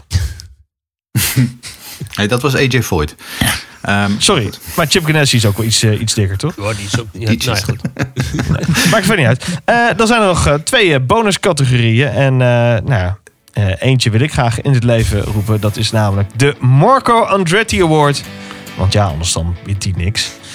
Ehm, ja, daar gaan we ook maar eventjes eh, de pauken voor eh, optrommelen. Want eh, de Marco Andretti Award. Wie hebben we daar in de nominaties? Dat is Marco Andretti, Marco Andretti en Marco Andretti. En het is geworden... Winner. Marco Andretti met de volle 100% van de stemmen. Ja, eh, we sturen een button op, jongen. En dan eh, hoop ik dat het eh, die anderhalf miljoen eh, met het kerstdiner nog een beetje verzacht. Die kan hij meteen Maar- aan papa geven, die button. Ja, en eigenlijk wil ik wel nog een foto van zijn, van zijn pol. Wil ik, ga ik hier gewoon in de studio hangen. Dit ga ik gewoon doen. Er komt, eh, ja, dit ga ik doen. Dit wordt, dit wordt een vet idee. Wacht de twitters maar even af binnenkort. En dan hebben we nog een bonuscategorie. Ehm, en daarvoor hebben we onze luisteraars zelfs in een open stemming gevraagd. Want wij vroegen ons af hier op de redactie: wie wint de Pato Award? ja, en belangrijker, wat is de Pato Award? Eh, is dat de meest sympathieke rijder van het veld? Is het de beste Mexicaan? Is het eh, eh, de meest smakelijke taco? Ehm, we vroegen het aan onze luisteraars. Ehm, en Gino Morillo Morales die schreef naar ons... nou, het is natuurlijk Pato Award zelf... want die wordt toekomstig racewinnaar voor Aaron McLaren. Daar ben ik van overtuigd. Ehm, Jeroen Versloten die suggereerde... ehm, geef hem aan Spaanstalig jong talent. Oftewel Fernando Alonso. Ja, inderdaad. Ook een hele goede, hele goede suggestie. Maar er kan maar één winnaar zijn, dus kom erop met die pauken. Ehm, want Niels de B, Monique Bormans, Nick van Ruiven en Guido Piquet... die stemden allemaal op deze winnaar. En dat is niemand minder dan onze eigen Rinus VK. Winner. En waarvoor krijgt Rinus VK dan die prijs van hun? Voor de beste appearance in een podcast. Nou, daar kunnen wij het natuurlijk alleen maar mee eens Ja, zijn. daar ben ik het helemaal mee eens. En, omdat hij leuk. die geweldige speciale Indy 500 helm had. Eh, een ode aan Arie Luijendijks eerste overwinning 30 jaar geleden. Die, te- eh, die split helmet. Ehm, ja, en daar kan ik het eigenlijk alleen maar mee eens zijn. Ik vind het een eh, zeer, zeer goede keuze. Was hem dat, mannen? Jazeker. Goed, Daan, dan heel eventjes vooruitkijken naar het komende jaar. En stiekem een beetje toch in onze glazen bol gaan kijken. Want dit is ook een beetje het moment van voorspellen. Hè? Zoals we net eh, die bolde eh, voorspellingen hadden van het voorgaande jaar... willen we natuurlijk ook wat quotes terugpakken voor volgend jaar. Dus, eh, nou goed, laten, laten we even vooruitkijken. Ik durf niks meer te zeggen, circuits- dus Nee, ik denk het ook. Circuits waar we eerder dit jaar niet heen konden. Detroit, Long Beach, Barber en Toronto komen weer op de kalender. En wat hebben we daar zin in? Jij ook, Daan? Ja, zeker. Ik heb eh, aangetrouwde familie ook in Toronto. Dus ik ga vast een eh, kamertje boeken, denk ik daar. Lekker, lekker. Boeken, dat hoef ik niet eh, te boeken. Dan kan ik gewoon vragen. Je hoop kan ik. het gewoon gratis BB.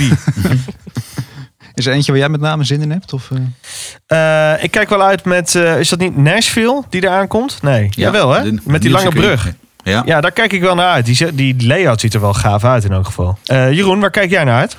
Ehm, nou, ik kijk altijd uit naar Detroit. Ehm, want Detroit is namelijk gewoon een wereldbaan. Een geweldige stad. Ehm, dus dat vind ik altijd mooi. Long Beach is altijd prachtig. Sowieso meer stratencircuits. We hebben dit, als er iets is wat we dit jaar gemist hebben, dan zijn het stratencircuits.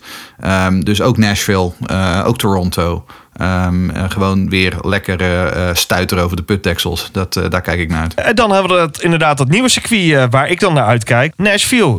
René, vertel er eens wat over. Is er eh, inmiddels Wat weer een update vertellen? van IndyCar Racing 2 baantje of niet? Nee? dat weet ik niet. nee ik kan hem inladen in die- die car precision vaak. Een lange brug over welke rivier, Jeroen? Jij bent goed in de topografie. dat weet ik niet. Eh, Nee, dat moet, moet ik ook. de rivier die door Nashville heen loopt, daar moet zelfs ik me gewonnen geven. Daan, zoek eens op. Je hebt hier internet. Dat maakt niet uit. We komen er zo even op terug. Eh, dan gaan we even naar de nieuwe rijders en nieuwe rijcombinaties. Eh, Jimmy Johnson. Een, eh, natuurlijk een verdette uit de NASCAR. Die eh, ook een IndyCar, of de IndyCar gaat joinen dit jaar. Met zijn 44 jaar. Klopt dat? Wat ik zeg?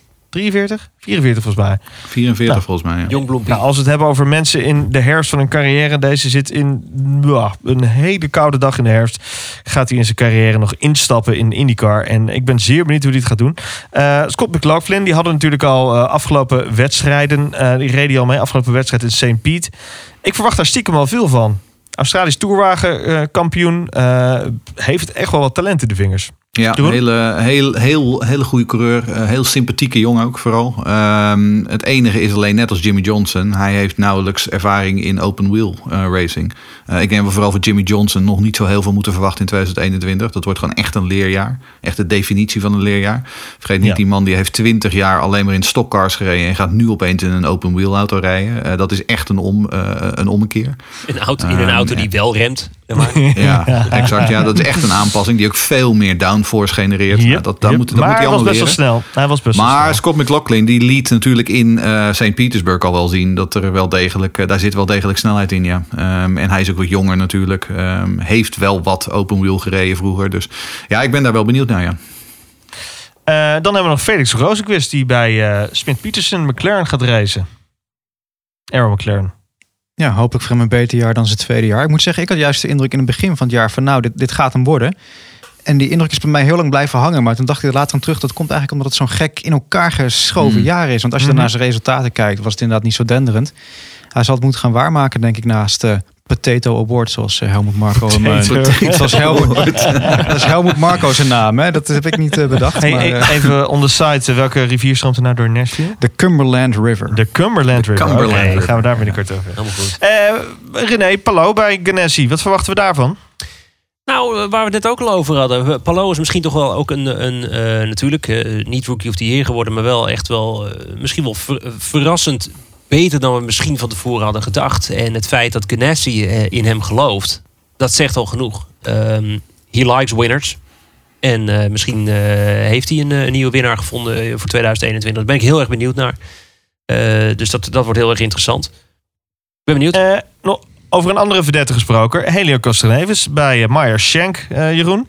Ja, eh, nou, hij gaat maar zes Enige verwachting? Nou, ik denk dat hij... Kijk, het punt is natuurlijk wat Helio meeneemt is heel veel ervaring. Ehm, en dat ik denk dat Jack Harvey daar wel wat van kan leren. Aan de andere kant is het ook zo dat eh, Helio eh, bijna 20 jaar bij Penske gezeten heeft. Penske is het enige wat hij kent. Eh, dus hij komt ook op een gegeven moment bij een heel nieuw team terecht. Nieuwe mensen. ehm, eh, en, weet je, dus ook Helio zal een beetje een, eh, een, een leercurve hebben. Gewoon om, om een beetje in te bedden bij dat nieuwe team. Maar ja, wel echt eh, ehm, heel veel ervaring. En daar gaan ze wel denk ik heel veel voordeel van hebben. Nou, dit is slechts een glimp van alle zitjes die nog eh, te vergeven zijn. Want de, we hebben 20 fulltime entries nu al. En we missen er nog een aantal. Ehm, als we dan heel even gaan kijken naar de prestatie van Rinus. En wat hij kan gaan doen met Ed Carpenter. Daan, wat zijn jouw verwachtingen? Denk je dat hij de lijn die hij heeft eh, eh, voortgezet. De lijn heeft neergezet. Kan, kan voortzetten volgend jaar? Ja, absoluut. Los even van de factor eh, geluk of pech eh, moet hem dat zeker lukken. Hij heeft een stuk meer ervaring. Hij krijgt meer eh, trainingstijd natuurlijk volgend jaar hopelijk. Hè, als, als het met corona een beetje mee zit en we wat, wat normaler schema krijgen. Dat is alleen maar positief van hem. En hij moet dan een beetje ja, dat, dat Joseph Newgarden traject daar gaan, gaan doorlopen, denk ik. Dan heel even vragen jullie allen. Het staat niet in het draaiboek, maar ik ga het toch even doen. Wat verwachten van Rinus zijn beste prestatie? Wat gaat het worden? Locatie en positie in de race. Jeroen. Ehm, ik denk dat Rinus. ehm, ik denk dat Rinus gaat winnen in Toronto. René. Ik eh, denk dat hij in St. Pieter eh, voor het podium kan gaan. Meteen de eerste race van het seizoen dus. Daan. Zegen in, nou noem eens wat, Road America. Ja, goeie. Dan nog een laatste vraag eh, aan jullie, waarvoor jullie ook weer eh, onze Twitter mogen gebruiken. Eh, toon ons door middel van een foto de leukste plek waar Green Green Green is beluisterd. En de winnaar krijgt natuurlijk. Wat krijgt de winnaar, Jeroen? We gaan het gewoon nu even ter plekke bedenken. Eh, Leuke mok? krijgt de winnaar? Ja, we gaan Mokkenpet. een leuke mok. Gewoon een mok. Hup, we gooien ze gewoon weer in. Herhaal het in de Twittervraag en we sturen dit na afloop van de opname. Wat staat hier? Herhalen in de Twittervraag? Oh, de, de ding is oké, dit is voor jou. Eh, dus eh, stuur eh, jouw leukste plek waar je Green Green Green hebt beluisterd via @indiepodcast.nl. En met sturen bedoelen we natuurlijk een, ludieke foto. En de winnaar krijgt dus een pet en een mok. Dankjewel René, dankjewel Jeroen. En dankjewel Daan dat jij vanuit de Formule 1-redactie hier wilde aanschuiven. En natuurlijk met al jouw kennis en visie. Eh, ik vond het een leuke podcast, mannen. Zo'n afsluitende van het jaar. Want nu kunnen we toch echt wel even een zegel op dit jaar gaan plakken. Dat het hierop zit. Dit gekke coronajaar. Ondanks dat we nu nog tijdens de opnames in lockdown zitten. gaan we volgend jaar naar de open-up. En gaan we weer de wijde wereld tegemoet. Eh, enige verwachtingen ervan? Als koetjes in de wei, springen. Nou ja, ik, ik, ik, hoop, ik hoop echt. eh, ik, ik ga nu kloppen op mijn bureau, knock on wood. eh, dat het inderdaad in 2021 dat we gewoon die volle, volle 17 races kunnen gaan rijden. Ehm, want ehm, ik denk ook eh, dat ons Rinus daar heel erg eh, eh, veel voordeel van gaat hebben. René, wat ga jij nog doen in de winter? Behalve je stem opsparen en je stembanden Ja, smeren. precies. Ik ben van plan niet heel veel te doen. Dat is mooi. Kort antwoord. Daan, wat ga jij nog doen? Voetjes omhoog. Voetjes omhoog. Ja. Nou, lekker. Wat, is, is, wat, wat zijn we toch allemaal weer lui hè, deze winter. We zijn echt Heerlijk. autosportadepten. Eh, nou, we hebben trouwens helemaal niet gehad, eh, Jeroen, over de autosporttip. Wat moeten we kijken deze winter? Eh, gewoon YouTube openschroeven en gewoon zoeken naar IndyCar of kart. En dan zo- kies er eentje Alle- uit. Er staan Alles er wat zoveel. willekeurig is. We zullen, denk ik, de luisteraar nog wel een beetje op weg helpen deze winter met wat eh, kijktips voor de saaie dagen. Mannen, ik dank jullie hartelijk en tot na de winter. Hoi.